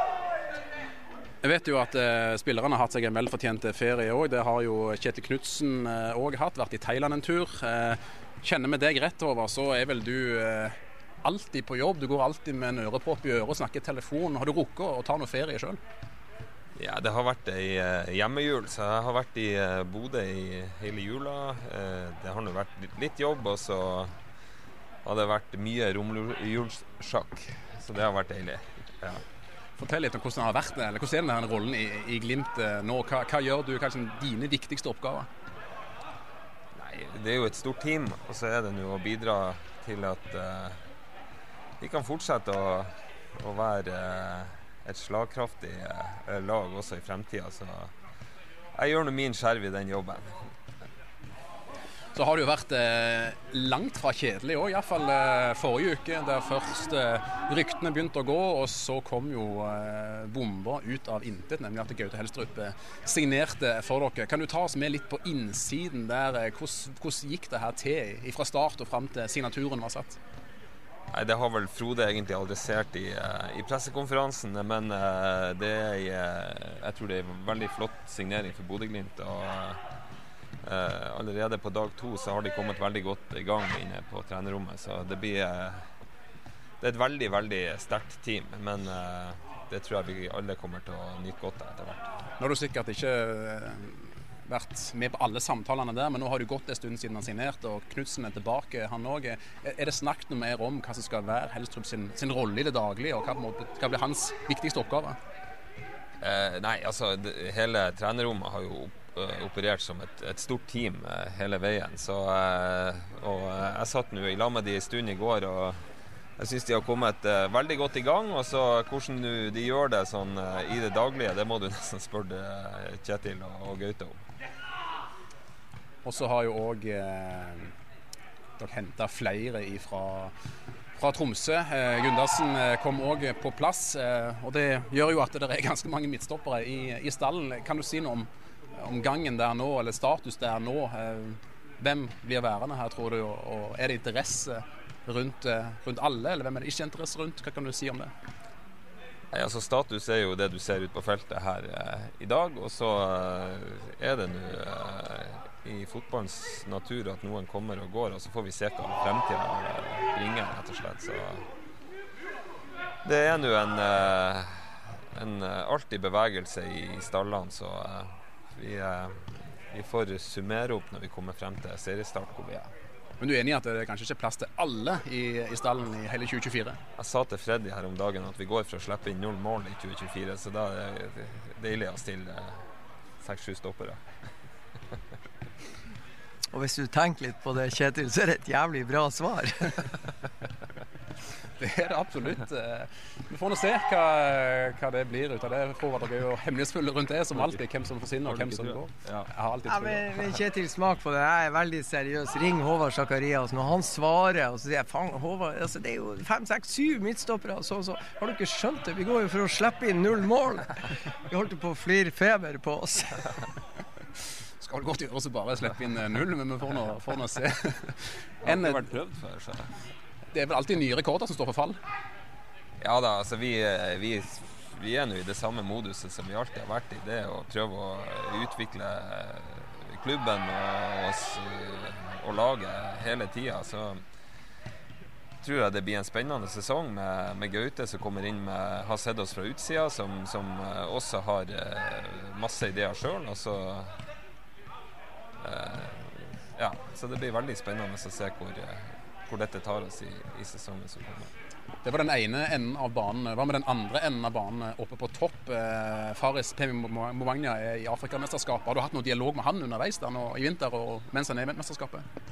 Eh, nei, jeg har vel ikke snakka med Farris siden før jul. Det har jeg ikke. Og hva med det? Det er jo utrolig spennende å se det i vinter, det òg. Eh, om han spiller på seg noe større interesse fra utlandet. Eh, dere har fått inn Kasper Høeg eh, nå på første trening i dag. Har dere flere spisser i kikkerten per nå som dere er interessert i? Du vet mitt utrolig kjedelige svar på generelt grunnlag når det kommer til spillerlogistikk, det er at vi, vi, vi snakker egentlig ikke om det. Men altså, vi følger med hele tida, prøver alltid å være forberedt på hva nå enn som skulle komme, fordi at det er utrolig vanskelig å spå. Eh, man kan planlegge for det ene, og så skjer det andre. Så det er liksom om å være forberedt på litt alt. Kan du, jeg vet ikke om du har det i hodet Frover, men kan du gjøre en oppsummering nå? Hvem er det i, i, dagens stall som er på utgående kontrakt, som går ut nå i 2024? Og eh, det tror jeg er eh, Omar. Eh, det er Sørli. Det er Brede. Det er Amahl. Uh, ja, uh, jeg må nesten uh, Jeg tror du er der. på PC-en for å se om jeg noe har glemt. Freddy sier at du er der, og tar, får vi stole på det? Kanskje Stian Kristiansen signerte Stian, 2024. Stian stemmer det. Ja. Hva kan du si generelt om status der i forhold til reforhandlinger og samtaler? Nei, altså vi, De her prosessene pågår hele tida, så vi der òg. Kjedelige svaret. Vi får se hva fremtiden bringer. Men det du, det du kan si, eh, Håvard, litt om For, for altså, det som er den store forskjellen altså Glimt er jo Det er ikke første gang Glimt avslutter en sesong og da skal starte med å konkurrere i Europa. Du kan jo fortelle, ikke sant, før dere gikk videre og, og, og, og til slutt eh, eh, ble stoppa av Roma. ikke sant? Dere gikk videre og møtte Celtic, dere gikk videre og møtte Aset, og så da Roma. Det var jo en del spillere som forlot dere etter sesongslutt, og som dro videre som Bossmann-spillere før dere møtte Celtic. og og det var enkelte spillere som dro videre etter 2022-sesongen som Bossmann-spillere og ikke var aktuelle for Bodø-Glimt da da eh, Lech Poznan sto på motsatt side. Hvordan har dere jobba? For denne sesongen er det jo faktisk to spillere bare som har gått ut av kontrakt. Det er Morten Ågnes Konradsen og Ask Kjæransen Skau. Det å komme dere i akkurat den posisjonen, hvordan jobber dere med det? Det har jo vært en, en, eh, en, jobb egentlig litt over år for å komme helt der vi er i dag, der vi eh, tar med oss eh, alle registrerte spillere eh, fra e-cup-troppen i fjor høst, eh, minus Morten Konradsen, er på kontrakt med, med Glimt eh, nå òg. Og det å bli tappa for spillere som går gratis, det er jo ikke akkurat så veldig bra for klubben. så vi har gjort en jobb nå for å få litt mer eh, kontroll eh, eh, på dette og egentlig kommet eh, greit ut av det, tenker jeg. Så vi er på en bra plass nå. Og så er det selvfølgelig Årene går fort, og kontraktene renner fort ut, så det er jo en evigvarende prosess. Men bildet akkurat i dag er at, at uh, vi har fått på plass gode, lange avtaler som sikrer verdien i klubb, da. og det er vi glad for. Og så er det jo sånn, da kan vi jo egentlig istedenfor at eh, kanskje to blir solgt og tre går ut av kontrakt, og vi har bare en tropp på 20, så kan vi egentlig planlegge litt bedre for eh, det eventyret som, som, ligger foran oss i Europa. Så eh, per nå så er vi 24 eh, spillere eh, meldt inn til Ajax-kampen og et sluttspill. Eh, og så har vi mulighet til å registrere inn tre nye. Sant, og det der, det å komme i den posisjonen som dere er ved inngangen til 2024, ikke sant? Det, det, tar litt tid å jobbe seg inn. Det har vært et mål å komme seg dit. Nå er dere der. og så, så handler det vel om, ikke sant. Én ting er nå at dere har lyst sånn som i løpet av 2023-sesongen, eh, så ønsker dere å forlenge med Bris Bangomo. Dere lykkes jo ikke med det hvis ikke Bris er med på det. Så det er jo det, er det der å være i forkant dere jobber med hele veien. Ja, og prøve å finne gode, akseptable løsninger for alle. For det er klart at det, er jo akkurat sånn som du sier, det nytter jo ikke å, å, forlenge med noen som, som, du ikke får til å forlenge. Så uh, det er jo uh, Det er mye gi og ta og, uh, og ja, en, en, en, jobb som må gjøres. Og det må gjøres egentlig hele tida, fordi at som sagt, årene går fort. og plutselig så kan man være i en sånn type situasjon igjen, så man må være på tå hev og prøve å, å løse det her etter hvert. Ja, og Et annet problem er jo det går ikke an å ha kontrakt ut 2027 med spillere som stopper utviklinga og ikke tar steg og ikke er gode nok for laget. Så det, det er en vanskelig kabal. Ja, ja, det er en vanskelig kabal. Så får man gjort så godt man kan, og så blir sikkert noe rett og noe feil, og så må man akseptere det. Men uh, den handler jo egentlig om å være, være påskrudd og, og hele tida følge med og, og, prøve å gjøre det beste eh, for Bodø-Glimt. Ja, og en annen, eh, Et eksempel. Eh, Oskar Kappskarmo var inne i sine første tre måneder i Bodø-Glimt, og så er dere frempå allerede før jul og forlenger avtalen med han. Ja, og det er nå all ære til Oskar. Han har kommet fra, fra Junkeren og tatt eh, flotte steg utover høsten og viser at han eh, har lyst og har noe her å gjøre. Så det var, eh, det var flott å få eh, Oskar eh, på eh, kontrakt med Glimt i, i, fire år til. Jeg tror det kan bli veldig bra. Ser du det samme i han som i en ung Håvard Sakariassen i glansdagene? Jeg spørs om ikke jeg ser mer. Han har ikke Cruyff-vendinger, men ellers så tror jeg han har større potensial. Jeg klarte ikke å dy meg. Skal jeg ta en quiz på deg, Fred? du som er så utrolig god uh, i quiz. Meg og uh, Håvard Sekeriassen har sikkert uh, mange ting til felles, men kan du mene men én ting vi har til felles i forhold til fotball? At dere begge to har skåra mål? Ikke i tellende kamper, iallfall for undertegnede. Jeg har fått én mulighet som keeper å ta et straffe. Det bomma jeg på, men vi har spilt for samme klubb, visste du det? Ja, Bryne. Helt korrekt. Hvordan husker du den tida i Bryne, Håvard? Det var fint. Ja, jeg husker det. Det var nå eh, ja, Jeg hadde det flott, eh, flott eh, på, i, på, Bryne, men det var nå en litt sånn spesiell foranledning til jeg dro dit. Men når jeg kom dit, og sånn, så hadde både jeg og, og familien det veldig flott på Bryne. og så ble det nå litt sånn avbrutt av et låneopphold i, i Ålesund. Tolv kamper. Tolv kamper i Ålesund, ja. og så var det tilbake til Bodø etter ja, var det to år. så var jeg tilbake her. Så, men jeg hadde ei fin tid i Bodø. eh, Fine mennesker. Og Ja, altså det, Jeg har en quiz til deg. Hvor mye tror du Bryne betalte Bodø-Glimt for å kjøpe Håvard Sakariassen, Kjetil Anda? Jeg vet ikke om jeg tør å, å si det i frykt for å bli å fornærme på noen måte. Jeg vet ikke, Det er et sted mellom 3,5 og 5 millioner. Så kasta de på Cato Hansen på kjøp. og Ifølge Håvard Sakariassen så var det 4,5 millioner for Sakariassen og 500 000 for Cato Hansen. Stemmer det Håvard? nei. Og det ble kjøpt av en som heter Braut Haaland til etternavn. Det stemmer, det. Ja, ja, han heter vel Haaland. Jeg lurer på om Ja. han ikke heter Braut. Men det stemmer. Det var eh, Alfie som var sportssjef der. Og eh, som vanlig så drar han eh, Freddy litt på med summene. Ja, jeg tror dessverre ikke vi har så mye eh, Bryne-folk med oss, men det er jo spennende å høre gamle historier fra de ti òg, Håvard. Men eh, jeg synes du, vi var litt inne på det her med, med europatropp og sånn. Der kan dere bytte ut eh, tre eh, spillere. Eh, si litt mer om det, vurderingen rundt det nå. Hvem, hvem skal ut og hvem skal inn? Skal noen ut og skal noen inn? Nei det, det der er en avgjørelse som blir tatt. eh, Den, den fristen er 2. februar. og så, så får vi se hvordan vi ser ut da. Og så uh, er det trenerteamet som, som uh, tar de avgjørelsene der. Altså, Hvis vi husker tilbake til faktisk eh, inngangen til, til 2023, så var jo Bodø-Glimt på treningsleir i Spania. De møter Wiborg, eh, Paula Finca, Fredrik André Bjørkan, som på dette tidspunktet meldte inn i europatroppen til Bodø-Glimt. Må de ta ut? For de hadde enda noen dager på seg til å sende inn. Så vurderingen var gjort.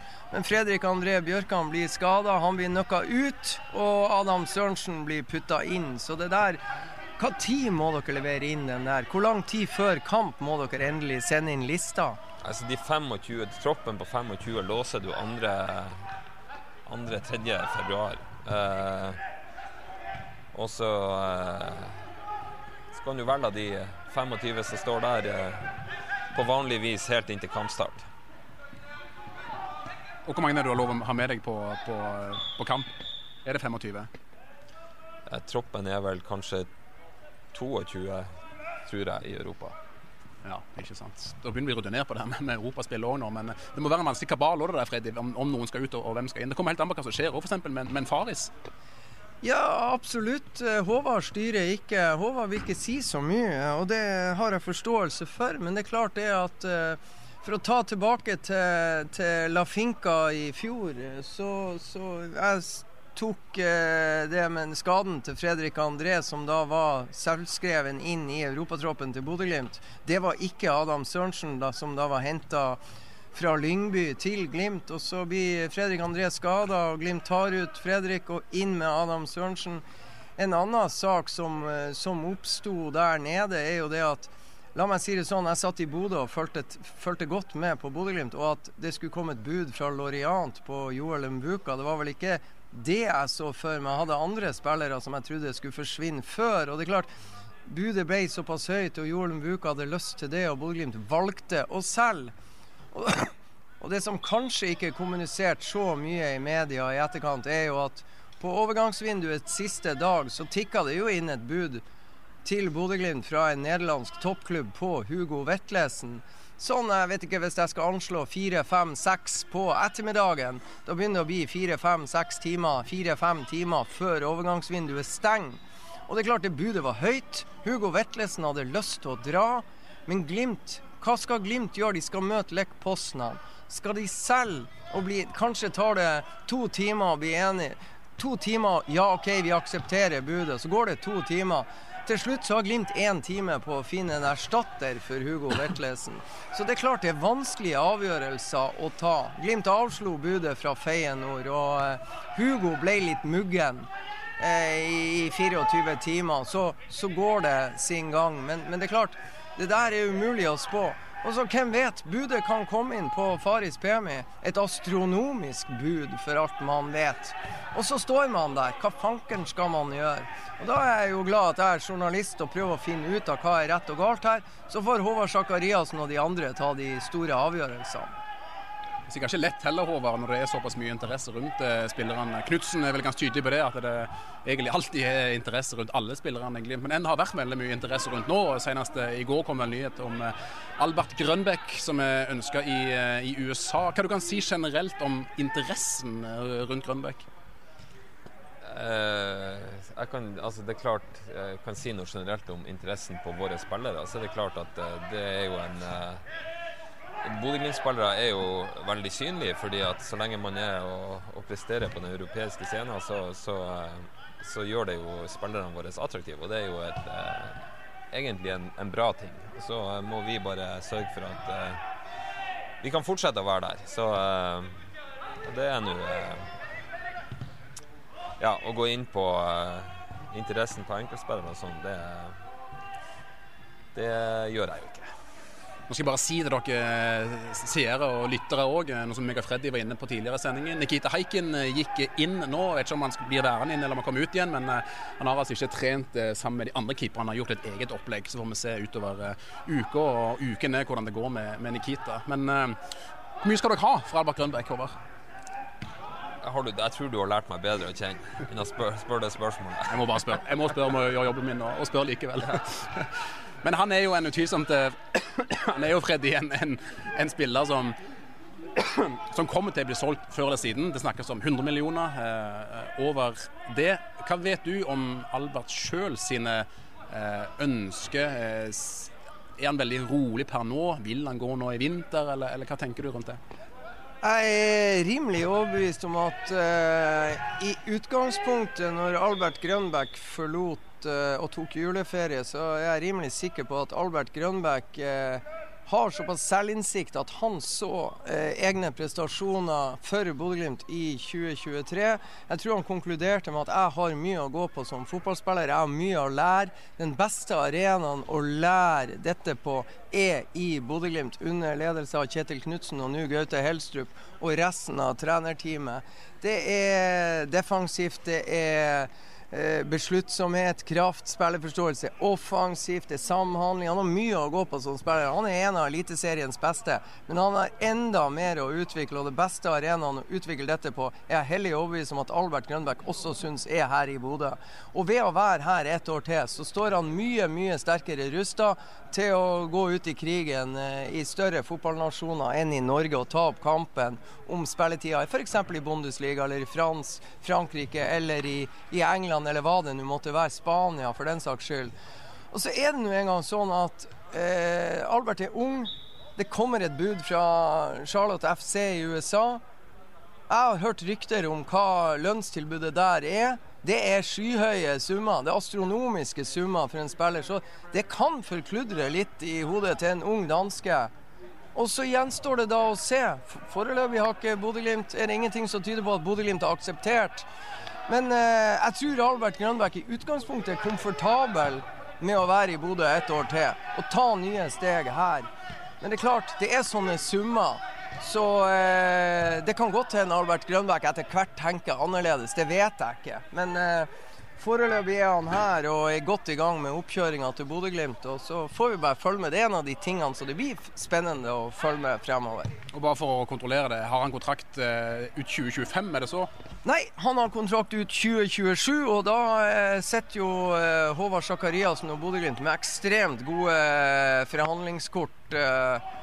Når Charlotte FC og andre klubber måtte komme på banen. Jeg tror liksom MLS eh, USA det er liksom ikke drømmedestinasjon for Albert Grønberg. Det tror jeg heller ikke det var da han dro på juleferie. Jeg tror nok at han sikta seg inn mot eventuelt som Hugo Vetlesen, Belgia, eh, Nederland eller ta steget til en eh, topp fem-liga i Europa. Men, men, så er det der, der Det blir sånne summer at eh, i hvert fall jeg blir sveiseblind, og det tror jeg Albert Grønbæk også blir. Så, så blir det en sånn diskusjon med han og agentene hva, hva, de mener best. Og han er ung, og eh, det jeg kan garantere, han kommer til å ta steg, enorme steg i Bodø-Glimt i 2024. Hvis han blir. Det er noe som veldig mange eh, snakker om, Håvard òg. Dette med hvor går spillerne, og går de pga. penger, hvor mye tjener de og sånn. På generelt grunnlag, kan du si noe rundt er dere inne og gir noen føringer til spillerne? Der snakker dere med spillerne om at de bør velge noe som er til det beste for egen utvikling og sånn? Er dere inne og sier noe i forhold til at dere ikke må forlokkes av penger, eller er det på en måte ikke et tema i det hele tatt? Nei, altså det der eh, Spillerne har, eh, har nå sine agenter som de rådfører seg med, så det er nå helst eh, sånn det er. Din jobb er egentlig å få mest mulig penger inn i kassen til Glimt? Eh, nei, min jobb er egentlig at, at uh, Bodø-Glimt har et uh, så godt lag som mulig til, til enhver tid. Og, og, gjennom det så tror jeg også at uh, flest mulig spillere også får eh, oppfylt sine drømmer på litt sikt. Så må vi passe på timing i ting, og, og at Bodø-Glimt sitter godt i det hele veien. 35 spillere i troppen, eller i stallen, eh, i dag. Har dere satt noe tall på hvor mange dere ønsker å være når sesongen begynner? Eh, vi har vel ikke noe eksakt tall på dette, men, eh, men vi, vi, jobber for å få en, eh, en, en god, funksjonell eh, tropp for det vi skal gjennom i årets sesong. Så nok en gang så får vi se hva, hvor vi ender ut til slutt. Sitter dere igjen med en følelse av at dere var for få spillere tilgjengelig i fjor?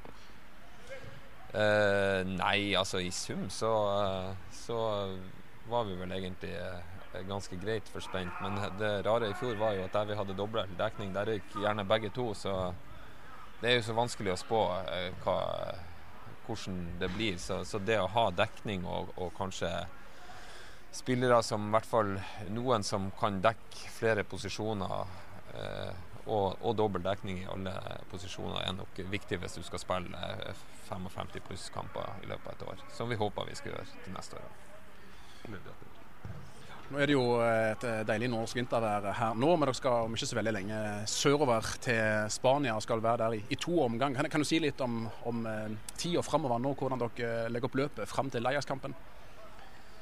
Uh, nei, det, altså det er nå en trend, men det er jo et fokus nå på å få uh, rett og slett få oss opp i, uh, i kampfart til uh, Ajax-kampen og gjøre oss så godt forberedt til, til da som mulig. Så det er jo ei, heldigvis ei kort oppkjøring.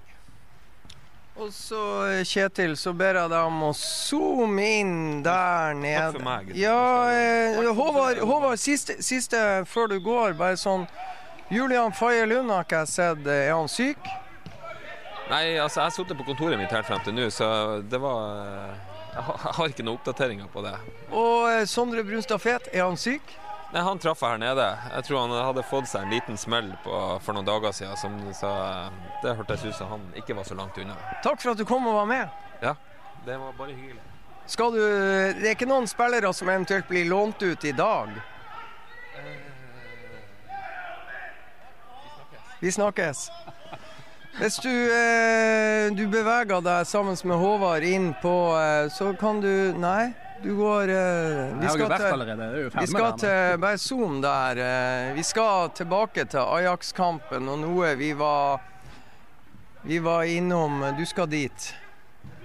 Skal du holde kameraet der? Og så uh, vi Helt i begynnelsen av sendinga så redegjorde, redegjorde vi jo for spisskonkurransen i Bodø-Glimt, hvor vi var enige om at Faris Pemi Monbanya er i Afrikamesterskapet med Kamerun og skal kanskje tilbake. Og så var vi enige om at Oskar Kapskarmo, som vi har sett her, er med i possession eh, med resten av laget. Og nå zoomer du inn på det vi var inne på. Runar Espejord og Kasper Høeg, som jobber med Einar Haugli.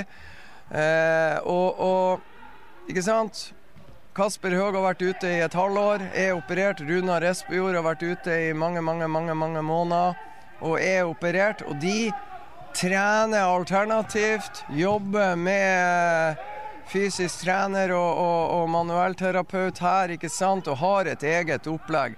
Og det er jo akkurat utviklinga på Runar Espejord og Kasper Høeg som blir ekstremt spennende å følge med i, i, i resten av oppkjøringa. For jeg sa når sendinga starta at det blir spennende å se hvordan de jobber og hva de jobber med. Og vi ser da at de er ikke sammen med resten av laget og, og konkurrerer på, på, samme vilkår som vi ser Omar El Abdelawi er og gjør. Så eh, Det er da ting som tyder på at Omar er lengre frem i uh, rehabilitering av sine skader enn det Espejord og Høge. Og så gjenstår det da å se, og så må vi følge med på hvor lang tid det tar før de to midtspissene melder seg på sammen med Oskar Kappskarmo eh, om å ta del i en større del av treninga, da.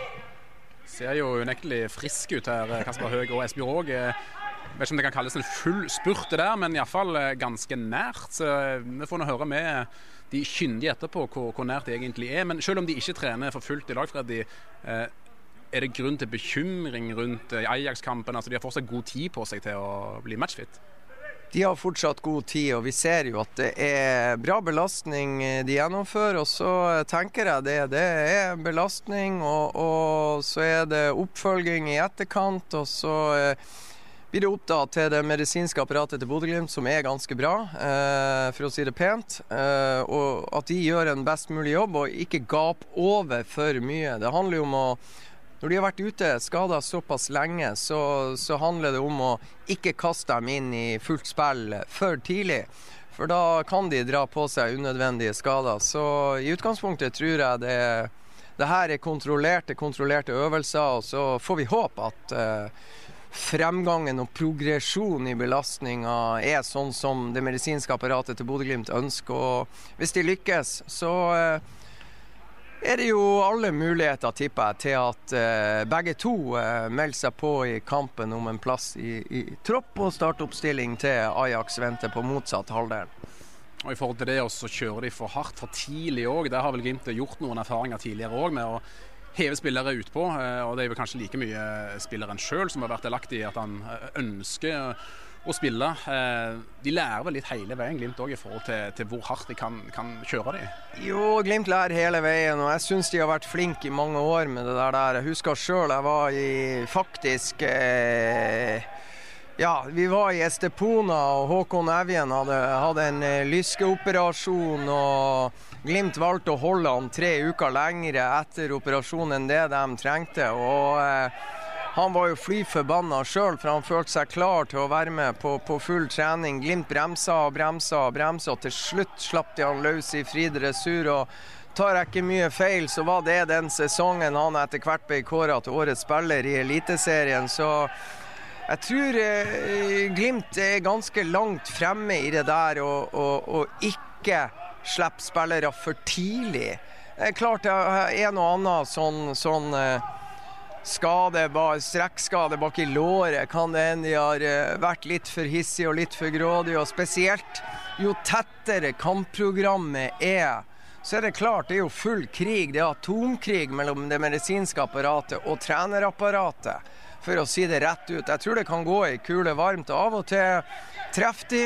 Andre ganger bomma de litt, og så tror jeg, føler jeg meg rimelig sikker på at de jobber som besatt på å ha best mulig timing eh, i akkurat det der. der. For de som ikke har fått det med seg, så har det jo vært litt utskiftninger òg i det medisinske apparatet til Glimt. Dra oss gjennom endringene der. Ja, eh, jeg fikk høre altså Rett før eh, sesongslutt så ble det klart at uh, Gunvor Holmøy, som kom fra det norske damelandslaget og Rosenborg sitt damelag til Bodø foran forrige sesong, hun øh, var her i ett år og valgte å takke ja til ei litt høyere stilling i hekken.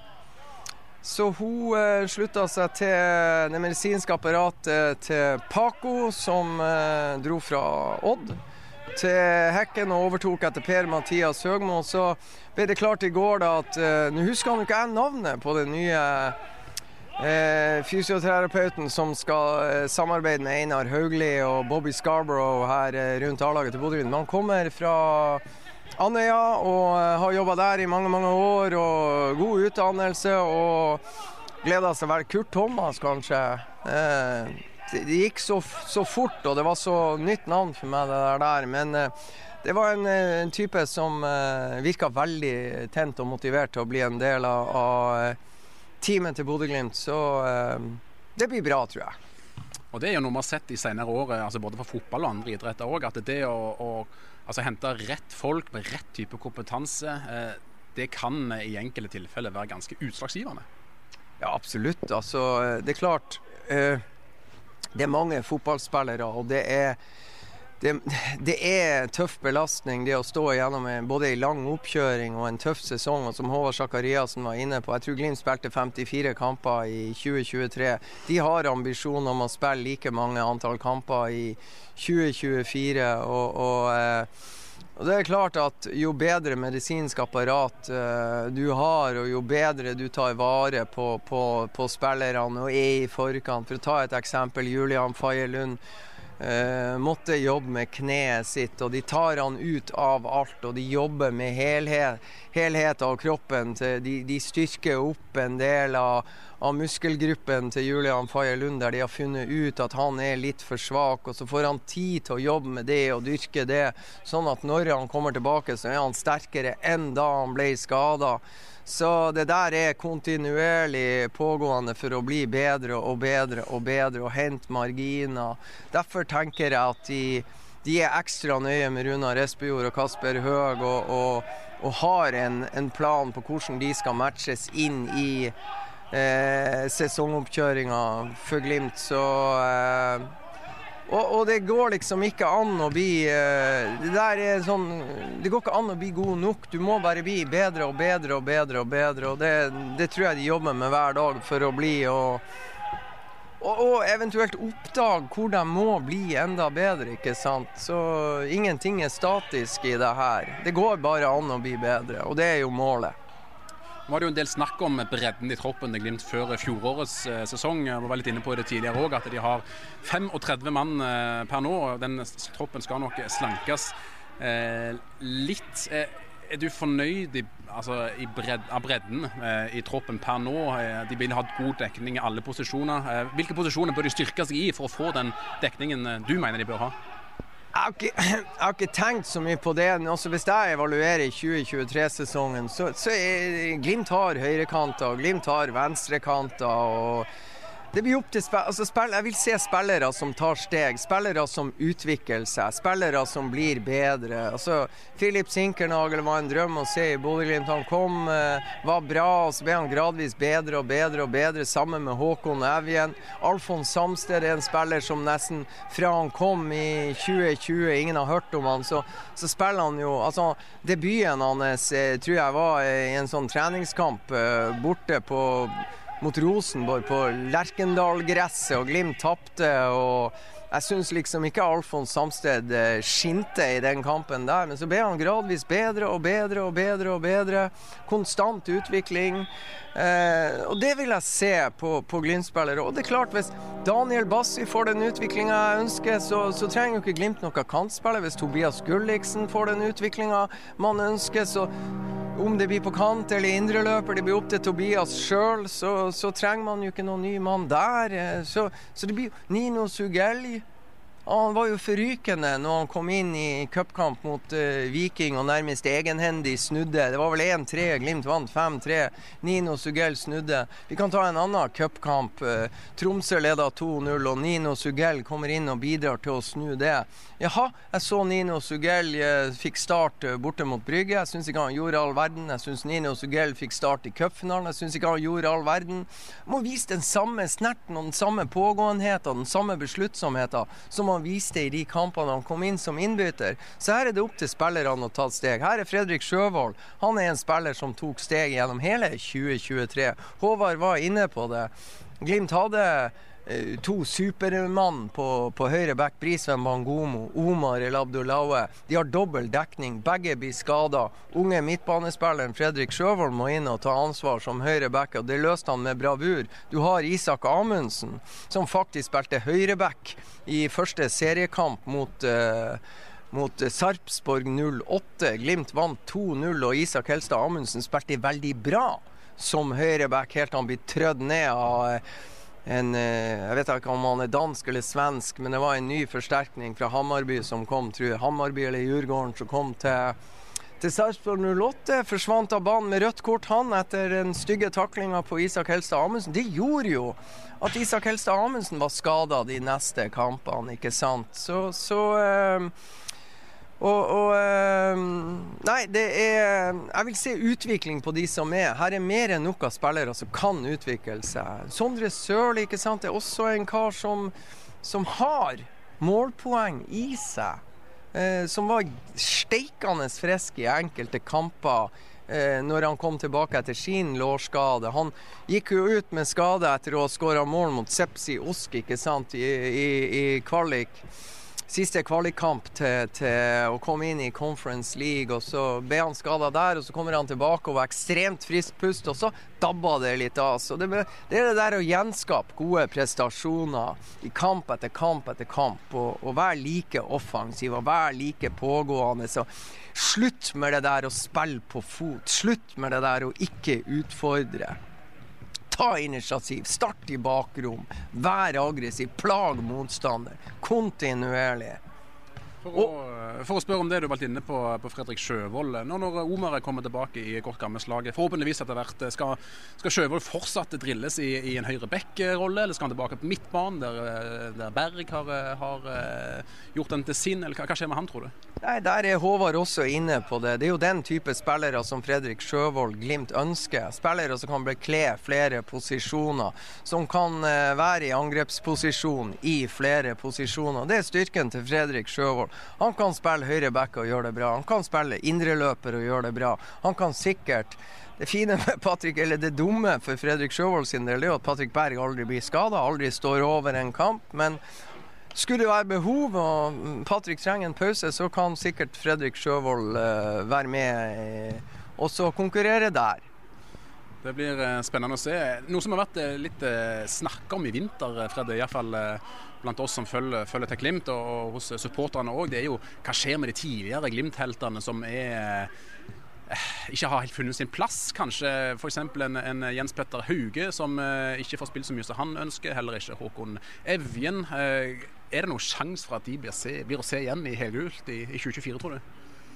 Ja, Det kommer an på hvem du spør om. Jeg tror ikke Jens Petter Hauge er aktuell eh, for Bodø-Glimt. Jeg tror eh, Jens Petter Hauge er i Eintracht Frankfurt, og jeg tror Jens Petter Hauge kommer til å fortsette sitt utenlandseventyr, etter det jeg forstår. Og så eh, vet jeg at eh, Håkon Evjen er en spiller eh, Kjetil Knutsen har veldig sans for. Og, og det er nå en spiller jeg personlig skulle ha sett i Helgort. Han er fra Narvik, han er nordlending, han trives i Bodø. Så det kan jo være en av de Glimt ikke vil innrømme at de er, er ute etter. Jeg er rimelig sikker på at Altså, Håvard Sakariassen var inne på det, at det er tre mann de kan putte inn i, tre nye navn de kan putte inn i eh, troppen som skal konkurrere mot Ajax.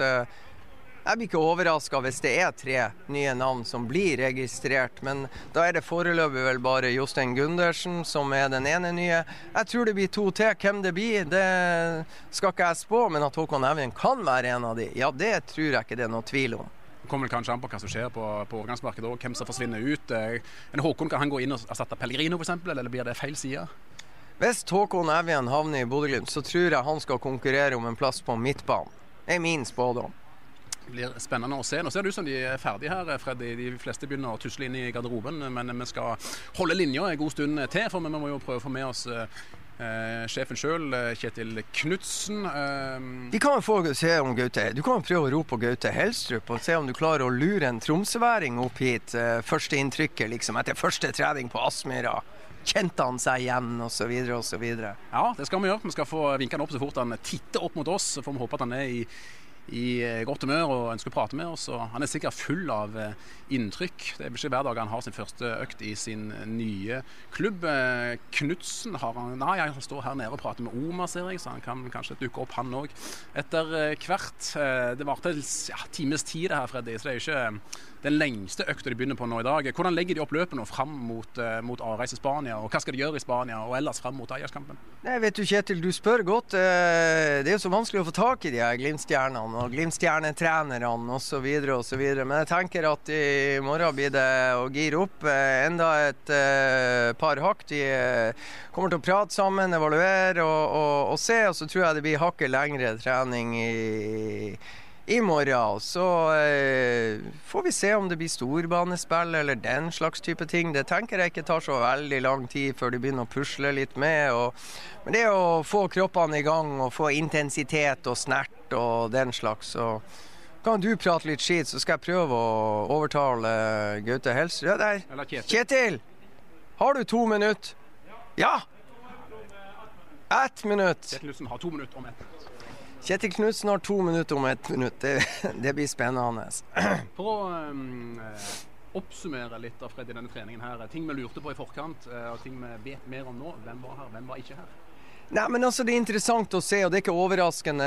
Runar Espejord og, og eh, Kasper Høeg syns jeg ser ganske fitt ut. Begge to de jobber med Einar Haugli, og de jobber med de riktige tingene. Det blir spennende. Så ser det godt å se at begge er ute og gjør såpass mye som de gjør. Eh, vi må jo da finne ut eh, Sondre Brunstad Fet var jo under her. Hvor er Julian Faye Lund?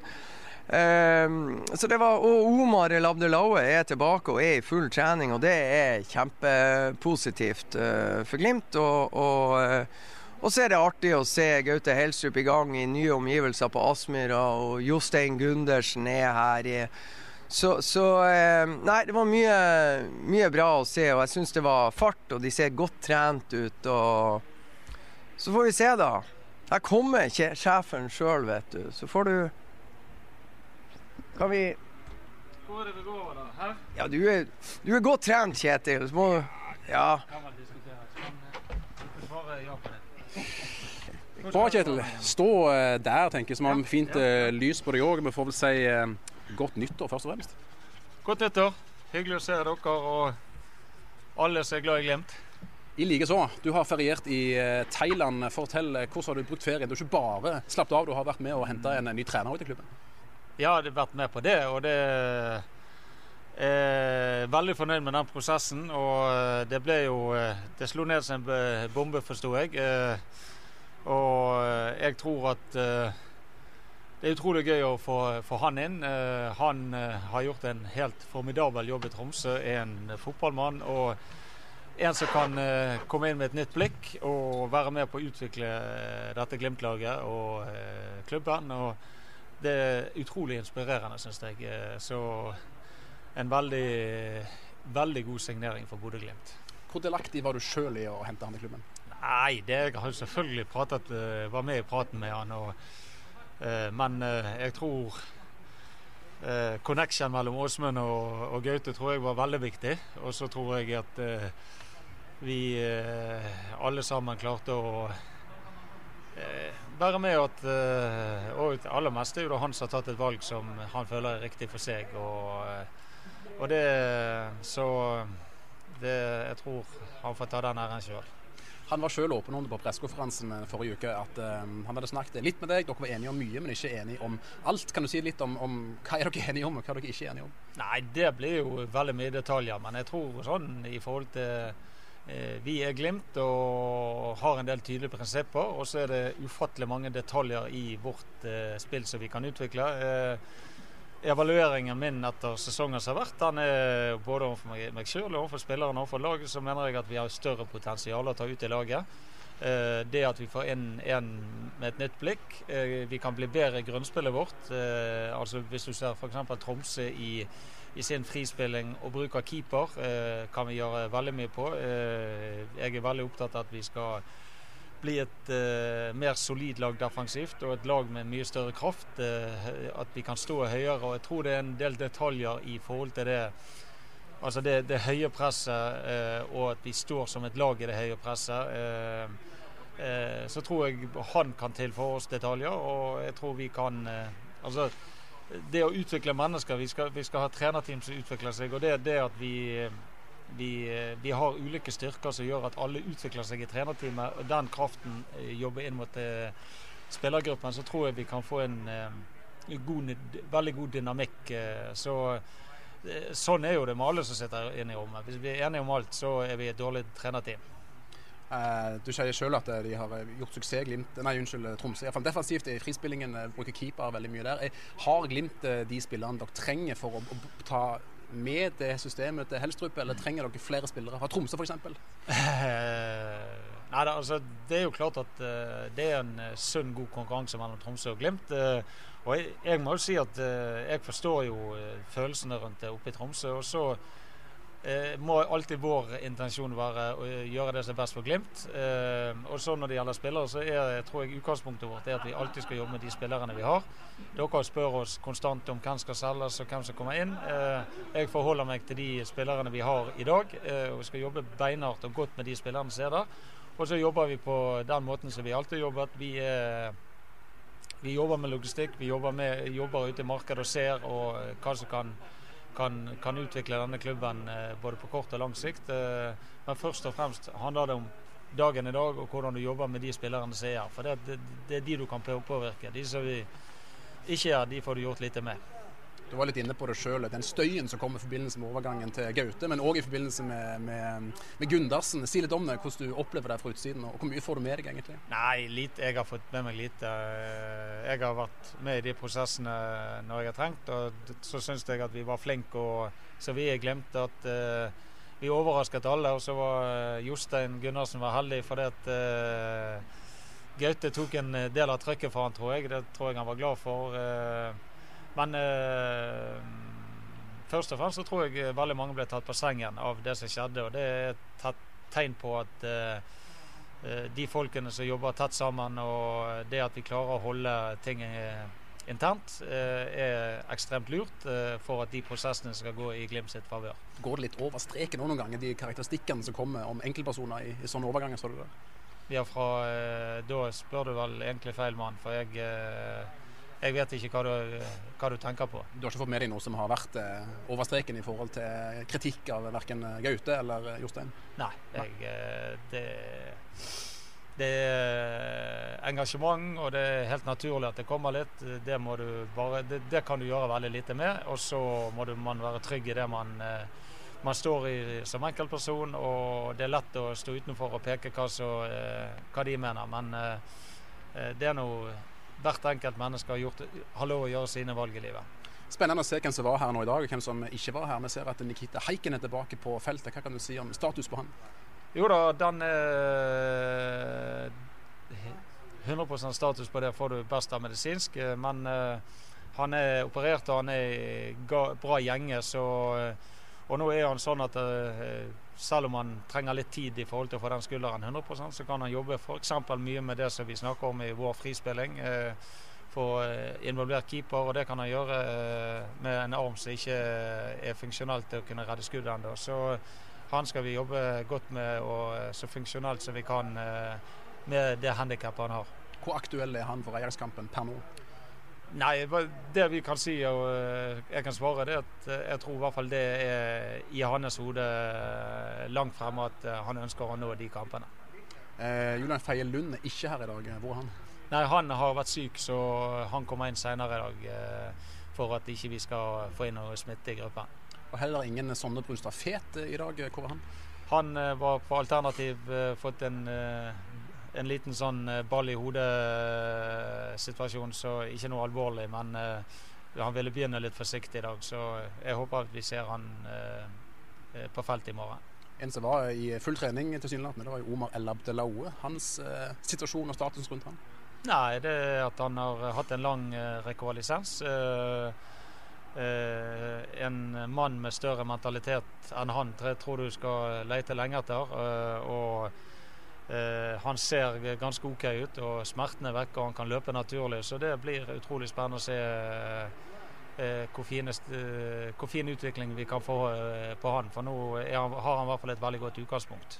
Det har ikke vært noen lang ferie. Er det litt godt å være tilbake igjen òg? Har dere rukket å lade batteriene så mye som dere ønsker? Nei, det er jo, det er jo spesielt at vi, det er den ferien vi får. Altså, vi får tre uker.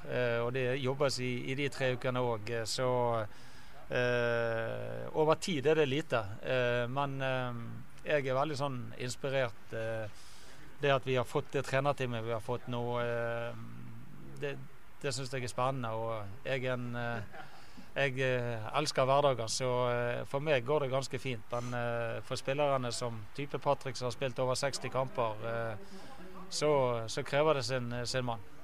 Må spørre om det som alle lurte på, Kjetil. Jeg tror ikke jobben min hvis jeg ikke spør. Eh, mange spekulerte i når Gaute kom, så var det en plan bak det at eh, du etter hvert skal ut. Hva kan du si sjøl om det? Nei, det, det, har jeg fått noe med meg eh, om det. Da er det veldig få som kjenner meg. Altså, jeg er opptatt av at vi skal gjøre det som er bra for Glimt. Den signeringen av Gaute mener jeg er en vanvittig god signering for Glimt. Og det er med å inspirere meg. Og mitt fokus er akkurat som det var for eh, fire uker siden, kun på Glimt. Og, så alle de spekulasjonene tror jeg blir ganske feil.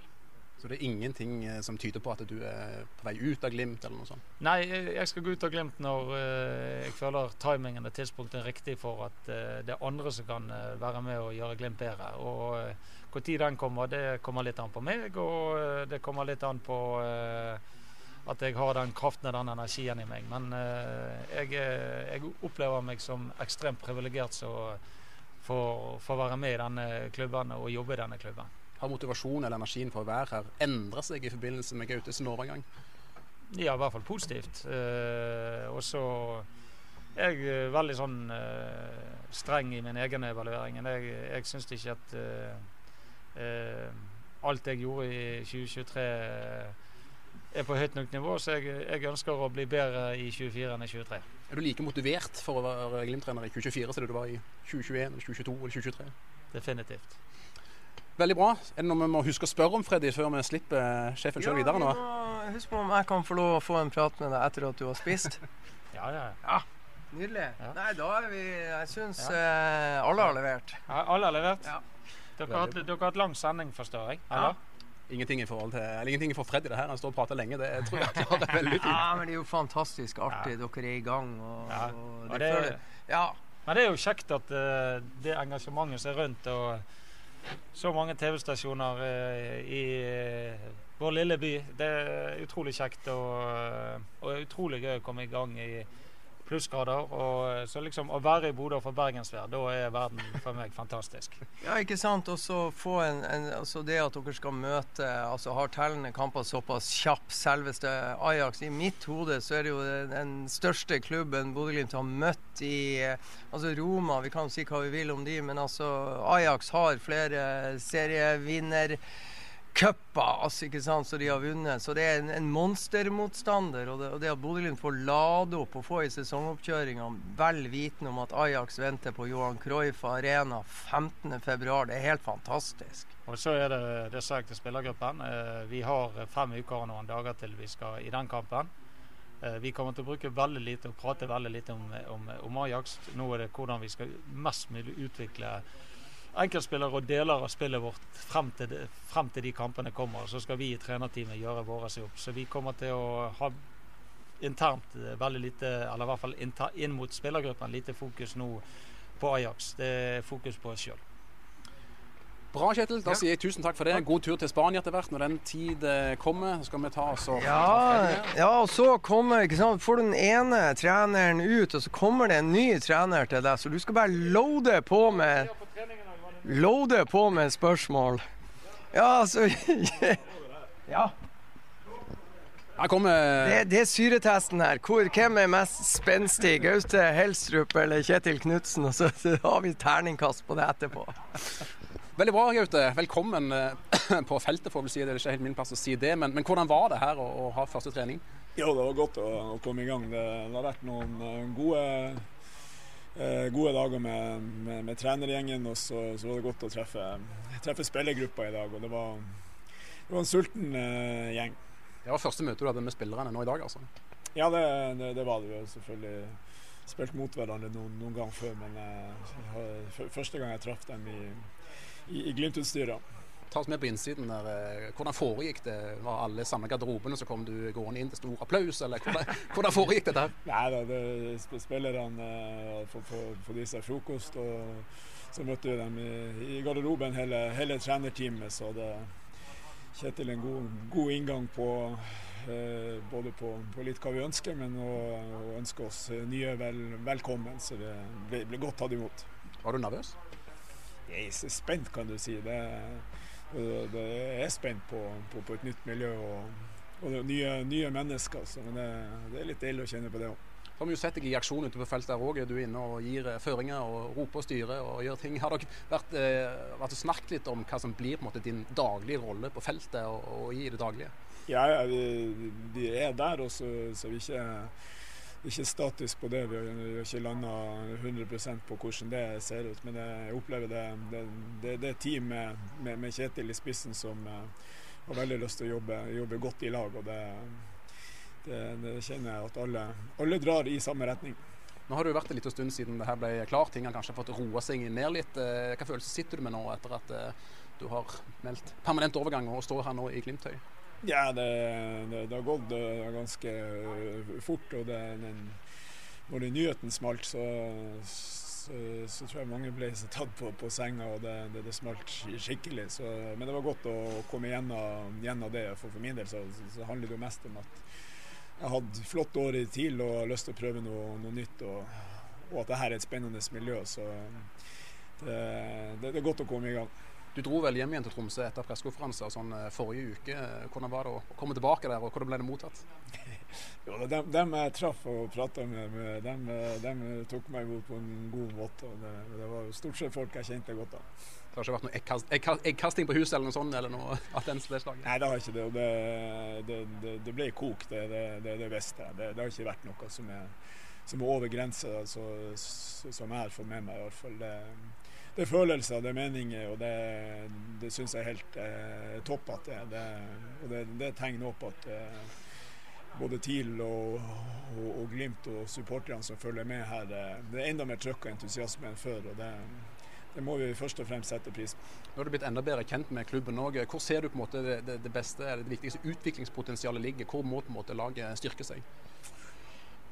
Syns det, det, å være utviklingsorientert og tørre å tenke, tenke, litt nytt hele veien og være tro mot identiteten, det, det gjennomsyrer alt. Og, og det, det, viktigste for oss er jo her ute. Eh, og så syns jeg hele klubben er flink på den tankegangen. at ikke status quo, det, da blir man ofte dårligere hvis man er fornøyd med det som, som har vært. og det, det, er interessant å komme inn på, på trenerkontoret her etter en, en, veldig god sesong i fjor resultatmessig og hører at de, de vil enda mer. Eh, og de er ikke fornøyd med det. de er ikke fornøyd med det, så det jeg liker den innstillinga. Ja, for det var et langt møte i går, uh, hører vi snakk om. Eh, elleve timer skal det ha vart. Hva inneholdt det møtet der, og hva snakket dere om? Uh, start fjoråret. Se, se fremover nå. Lufte litt, eh, litt tanker på, på, på hvor, hvor, er vi og, og hvor, hvor, skal vi. Og det syns det var, var, bra trøkk i, i mange, mange, timer. Det er et uh, godt tegn. Het uh, debatt? Ja, det er het. Og det, det er i hvert fall mye meninger og mye, mye engasjement. Så det var en, var en fin start. Hvor entusiastisk er du nå for fremtiden? og Hva skal de neste ukene inneholde, og, og hvordan blir det? Ja, jeg opplever det det er godt å se at eh, den, den spillergruppa her har, har, har, lyst. Så eh, det, vi skal konsentrere oss om oss sjøl og, og, jobbe jævla godt på, på treningsfeltet. Er du den siste personen som kom fra Tromsø til Glimt denne vinteren her? det er det foreløpig. Så det, skal ikke prate så mye om hva, hva, som kan skje. Jeg tror vi skal konsentrere oss om oss sjøl og, og, og, der vi er nå. Men det at, det, at man henter ifra eh, en av de andre toppklubbene, en andre topp, toppklubb fra, Nord-Norge, er det på en måte et hensyn at man skal på en måte prøve å ha slagkraftige lag eh, andre plasser i Norge òg, eller er det på en måte ikke det noe som Glimt tenker på? Dere tenker kun på dere sjøl? Ja, jeg syns tonen mellom, mellom TIL og Glimt uh, har vært uh, ganske respektfull og, og, og, fin. Og så er det, så er det en rå konkurranse uh, også, så det, det er jo stor sjanse for at, at, noen blir å gå fra TIL til Glimt, og, eller motsatt fremover også. Det, sånn er det i, i det toppidretten vi, vi, driver med her.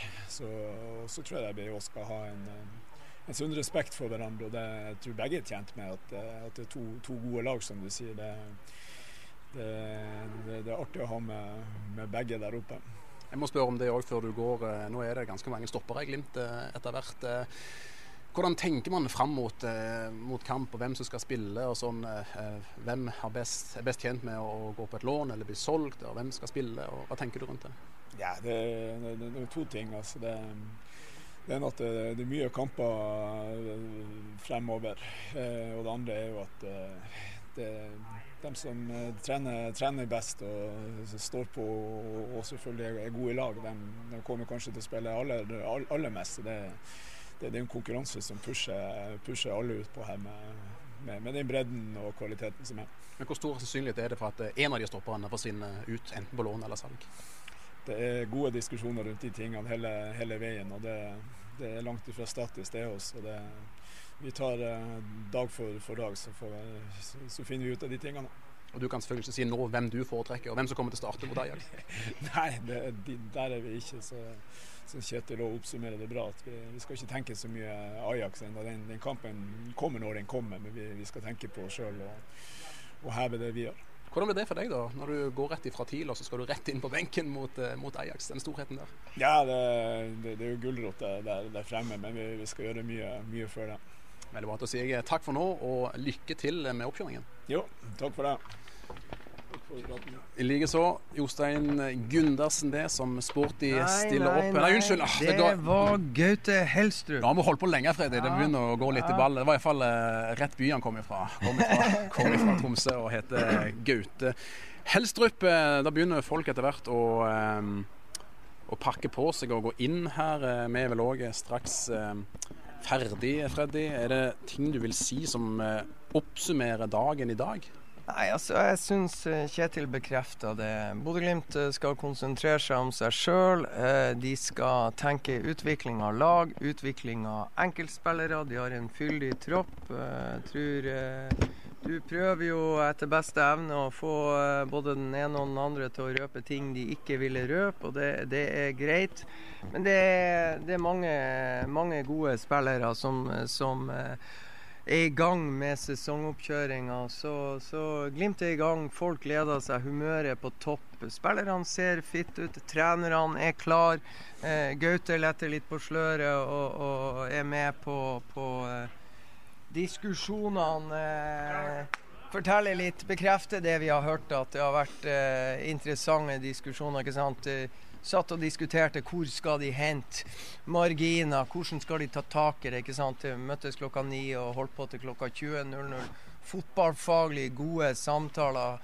Eh, og han, Gaute Sier innrømmer at han, eh, han er positivt overrasket over hvor kritisk eh, resten av trenerstaben, som han nå er en del av, var på egne vegne for det de presterte i 2023. Og det er klart, da da er det Det forteller meg at det, det er en, eh, en, gjeng som vil opp og frem, og, og på en måte eh, erkjenne at det var eh, mangler i det de presterte i fjor, og det ønsker de å ta tak i med en gang. og det, Da er de ærlige med hverandre og nådeløse i egne evalueringer med, med Kjetil i spissen. ikke sant? Og, og, det kommer de til å jobbe med. og Det, det er et veldig godt utgangspunkt for alle som har helgule hjerter. at eh, de er i gang, og de, de tar veldig seriøst på oppgaven. Og de gleder seg. Det er bra.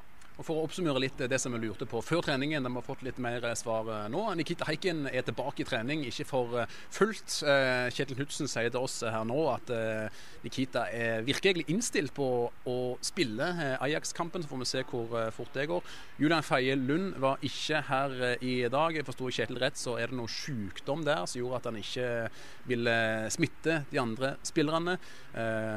Sonne Brustad Fet, som ikke er på feltet her i dag. Der kan Kjetil Hudsen si at han har fått seg en trøkk i, i hodet. Fått en ball i hodet eh, nå eh, nylig som gjør at han ikke er med. Eh, høres ikke veldig alvorlig ut, det. Um, Får håpe det ikke var Sondre Sørli som skjøt.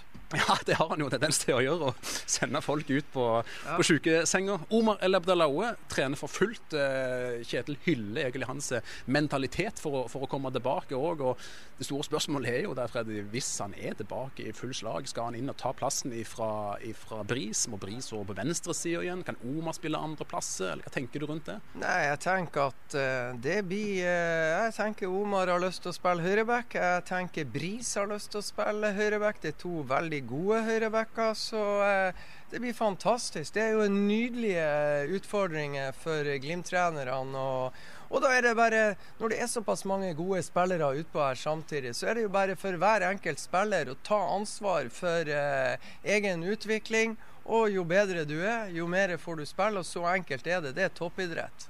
Det er det absolutt.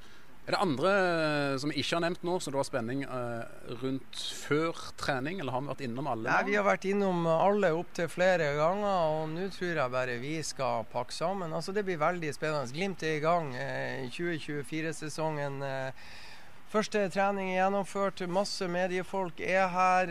Spillerne skal opp og spise. Og, og, nei, det blir spennende å følge med. At spillere skal inn, og at spillere skal ut. Det er en del av, av eh, gamet i, i, det her. Og så får vi bare følge med som best vi kan. Det kommer til å skje masse spennende. Den uka som Glimt er inne i, så drar de videre til Spania. Og, eh, men jeg tror vi har oppsummert og vært innom det aller, aller meste i løpet av denne treningen. Og det var mange, for å si det rett ut, det var mange positive nyheter. ikke sant? Omar er her og trener. Nikita Haikin ser bedre ut enn vi kanskje frykta. Eh, Kasper Høeg. Kasper Høeg og, og Runar Espejord så store og sterke ut og jobba med sitt. og det, det, så kontrollert og bra ut. Så mange positive signaler, vil jeg si. Jeg klarer knapt å finne et negativt. Og når Kjetil Knutsen får bergensvær på første trening i januar i Bodø, altså sommerdag i Bergen med fire-fem plussgrader og regn, ja, men da er det jo ingenting å klage på. Nei, det er det overhodet ikke. Og det må nevnes òg når, når, du sier det sjøl, Freddy, den interessen som er rundt Glimt nå. Det var det bra med media til stede her nå i dag, men det var det så definitivt på pressekonferansen med Gaute Helstrup eh, forrige uke. Du var ikke der sjøl, men det var jeg.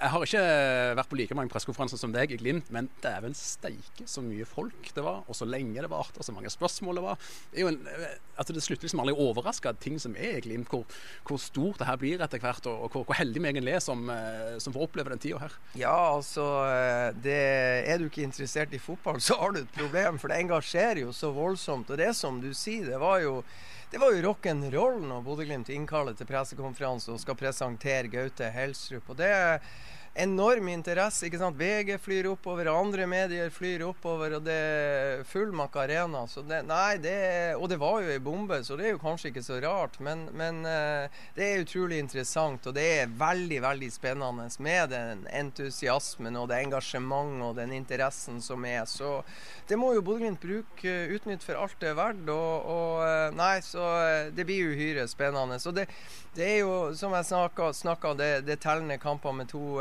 to Ajax-kamper. Det er tøffe treningskampmotstandere. Altså, de skal spille mot Salzburg, de skal spille mot eh, Hammarby, de skal spille mot Sparta Praha, de skal spille mot eh, Malmö FF.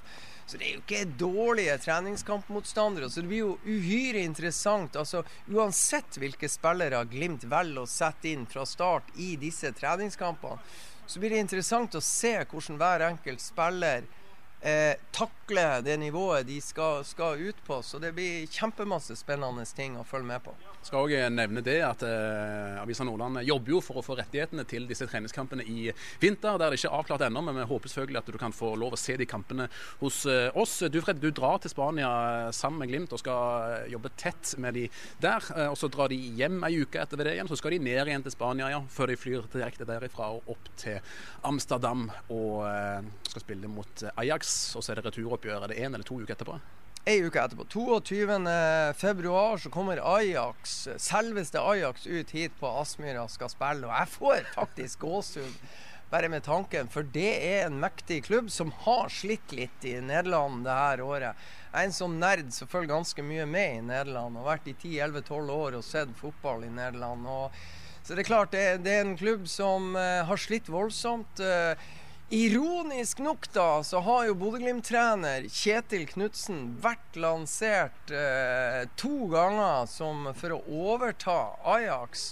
Det konfronterte ikke du Kjetil Knutsen med. Det var jo De ansatte en, en tysk sportssjef som innrømte at eh, Jeg husker ikke hva han heter, men han innrømte jo at han hadde vært i kontakt med Kjetil Knutsen sine agenter osv. osv. Han lyktes ikke med å få Kjetil Knutsen til klubben. Han lyktes med å hente Alfons Samsted, sin suksesstrener fra Tvente Enskede.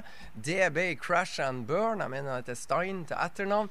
Har fått fyken. Både Stein, som ble ansatt av denne tyskeren, tyskerne pælma ut av Ajax. Og så fikk de litt sånn her eh, fart på seg og klatra litt. De lå faktisk når vi var i Nederland så på fotball i oktober, så var Ajax under nedrykksstreken i æresdivisjonen, og det er jo totalt uhørt. Nå har de klatra litt på tabellen, men rett før jul så presterer de å bli sendt ut av cupen i Nederland mot et amatørlag som Hercules eller noe sånt, som uh, vi knapt har hørt om. Og uh, det er ikke det er ikke positivt for Ajax. Så det blir jo kjempeartig å se 15. hvordan Kjetil Knutsen blir mottatt i Nederland. Mannen som har vært linka til Ajax to ganger. Og ikke minst når Ajax skal komme hit til Kjetil Knutsens lekegrind og prøve i vinterkrigen i Bodø og stikke kjeppene i hjulene for, for Bodø-Glimt. Så nei, det blir kjempeinteressant. Jeg syns faktisk Knutsen er litt kryptisk når jeg spør han om fremtiden hans òg, om det er noen avtaler der med, med Hønstrup. Du, du syns ikke du er klar? Nei, jeg syns bare han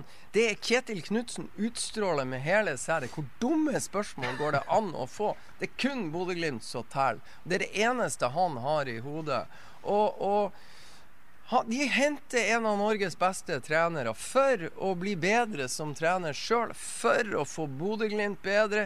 De jobber i et team, og som Kjetil Knutsen sier, når jeg føler at ikke jeg har mer å bidra for i denne klubben, da skal jeg gi beskjed. Da skal jeg trekke meg unna. Og, og eh, så jeg tror han har én tanke i hodet, det er å være i Bodø-Glimt. Og så er det en annen ting for å legge på en måte Kjetil Knutsen-diskusjonen død, så blir det spennende i 2024. For Kjetil har, vet, du, hvis ikke jeg tar helt feil, kontrakt med Bodø-Glimt ut 2024. Når blir det ny pressekonferanse med full Macarena og rock'n'roll her på Aspmyra, og Kjetil Knutsen forlenger? OK, det vil være et kraftfullt signal som kanskje legger død eh, diskusjonen om Kjetil skal dra eller ikke. Og uansett om Bodø-Glimt om tre måneder inviterer til pressekonferanse og Kjetil Knutsen forlenger avtalen med Bodø-Glimt, så får vi se hvor lang tid det blir. Men uansett om han gjør det, så kommer han jo til å bli linka hver gang en trener får sparken i Europa. Og Det må han jo ta stilling til. Og Selv om han eh, påstår at han er her i Glimt, og det er Glimt som er fokuset, så må han jo ta stilling til det når det kommer eh, henvendelser fra England. eller hvor jeg, jeg tror det er en del klubber Kjetil Knutsen driter en lang jævel i om de har henvendt seg eller ikke. Jeg tror kanskje de har henvendt seg til agentene til Kjetil Knutsen, og de har ikke gidda å gi beskjed til han. han altså, Kanskje er det en som sier ser du er linka dit eller linka dit. Jeg er sikker på at Kjetil Knutsen har ikke sjøl kontroll på alle klubbene han er linka til. Det bryr han midt i ræva. Han vil være her og gjøre Bodø-Glimt bedre, er min spådom. For å ta en ting til, vil jeg Knutsen dø for uh, nå, men som du er inne på òg, Ajax er ikke eh, særlig eh, god, iallfall ikke i nærheten av gamle storhet per nå. Det betyr jo at det de er jo er, De er gode, men dæsken, de har slitt big time denne sesongen i Nederland. Og Det så vi òg eh, for noen år siden når Glimt var i samme posisjon. De skulle spille om retten til å være i et sluttspill i Conference League. Da kom Celtic på besøk etter hvert, etter at Glimt hadde jeg skal ikke si pissa på dem eh, i Skottland. Men det viser jo at eh, muligheten er jo så absolutt til stede til å gå videre til sluttspillet i år for Glimt. Ja, altså Det artige med Celtic var jo at de, de tapte 3-1 borte og kom hit og hadde egentlig gitt opp. Og det var jo under ledelse av treneren som nå Ange Postekoglu, som nå gjør suksess i Tottenham. og, og de kom jo bare hit for å bli ferdig med det. De hadde jo ikke noe trua på at de skulle klare å snu 1-3 fra hjemmekampen til seier. Så det ble 2-0 til Bodø-Glimt i den kampen. Lett match. Eh, imponerende, spør du meg. Og jeg har fått meldinger fra presse i Nederland. Altså, hva er det med Bodø-Glimt? Altså, hvert år så møter de et nederlandsk eh, lag. ikke sant? De møtte Aset. De har møtt eh, PSV Eindhoven. Det ble uavgjort eh, i Nederland. Det ble tap her i, Bodø. Nå skal de opp mot den største storheten i Nederland, Ajax. Og, eh, så det er klart, Nederlandsk presse vet historikken Glimt og, og, nederlandske klubber. Og, og det artige er jo sjefen sjøl i Bodø-Glimt, Harald Lutteberg, som det er statue over der. Ja, han hadde jo ei proffkarriere i Nederland, i Ado Den Haag. fra 69 og utover. Så det Jeg holdt på å si, det står jo skrevet i stjernene Bodø-Glimt sender Ajax ut av Europa i år. Det er fortsatt en veldig fin tid å være glad i fotball og glad i nordnorsk eh, fotball. Eh, nå skal etter hvert eh, Freddy få lov å jobbe videre, så du skal snakke litt videre med Kjetil. Du får spørre han du om Ajax-linken, og så skal jeg få dra tilbake og jobbe videre med mitt. Vi skal følge Glimt enda tettere i år enn det vi har gjort før. Du Freddy, du drar som sagt til Spania for å følge de der, og så skal du selvfølgelig få få eh, dekket kampen mot Ajax og alt mulig. Men sesongen er iallfall i gang, Freddy, og det er godt. Ja, det er fantastisk. Og du misunner meg litt. Litt som skal til Spania? Ja. Jeg har det veldig fint i Nord-Norge sommer. Altså, eller Bergenssommer, som Kjetil Knust kalte det. Tusen hjertelig takk for uh, følget, kjære seere og lyttere. Vi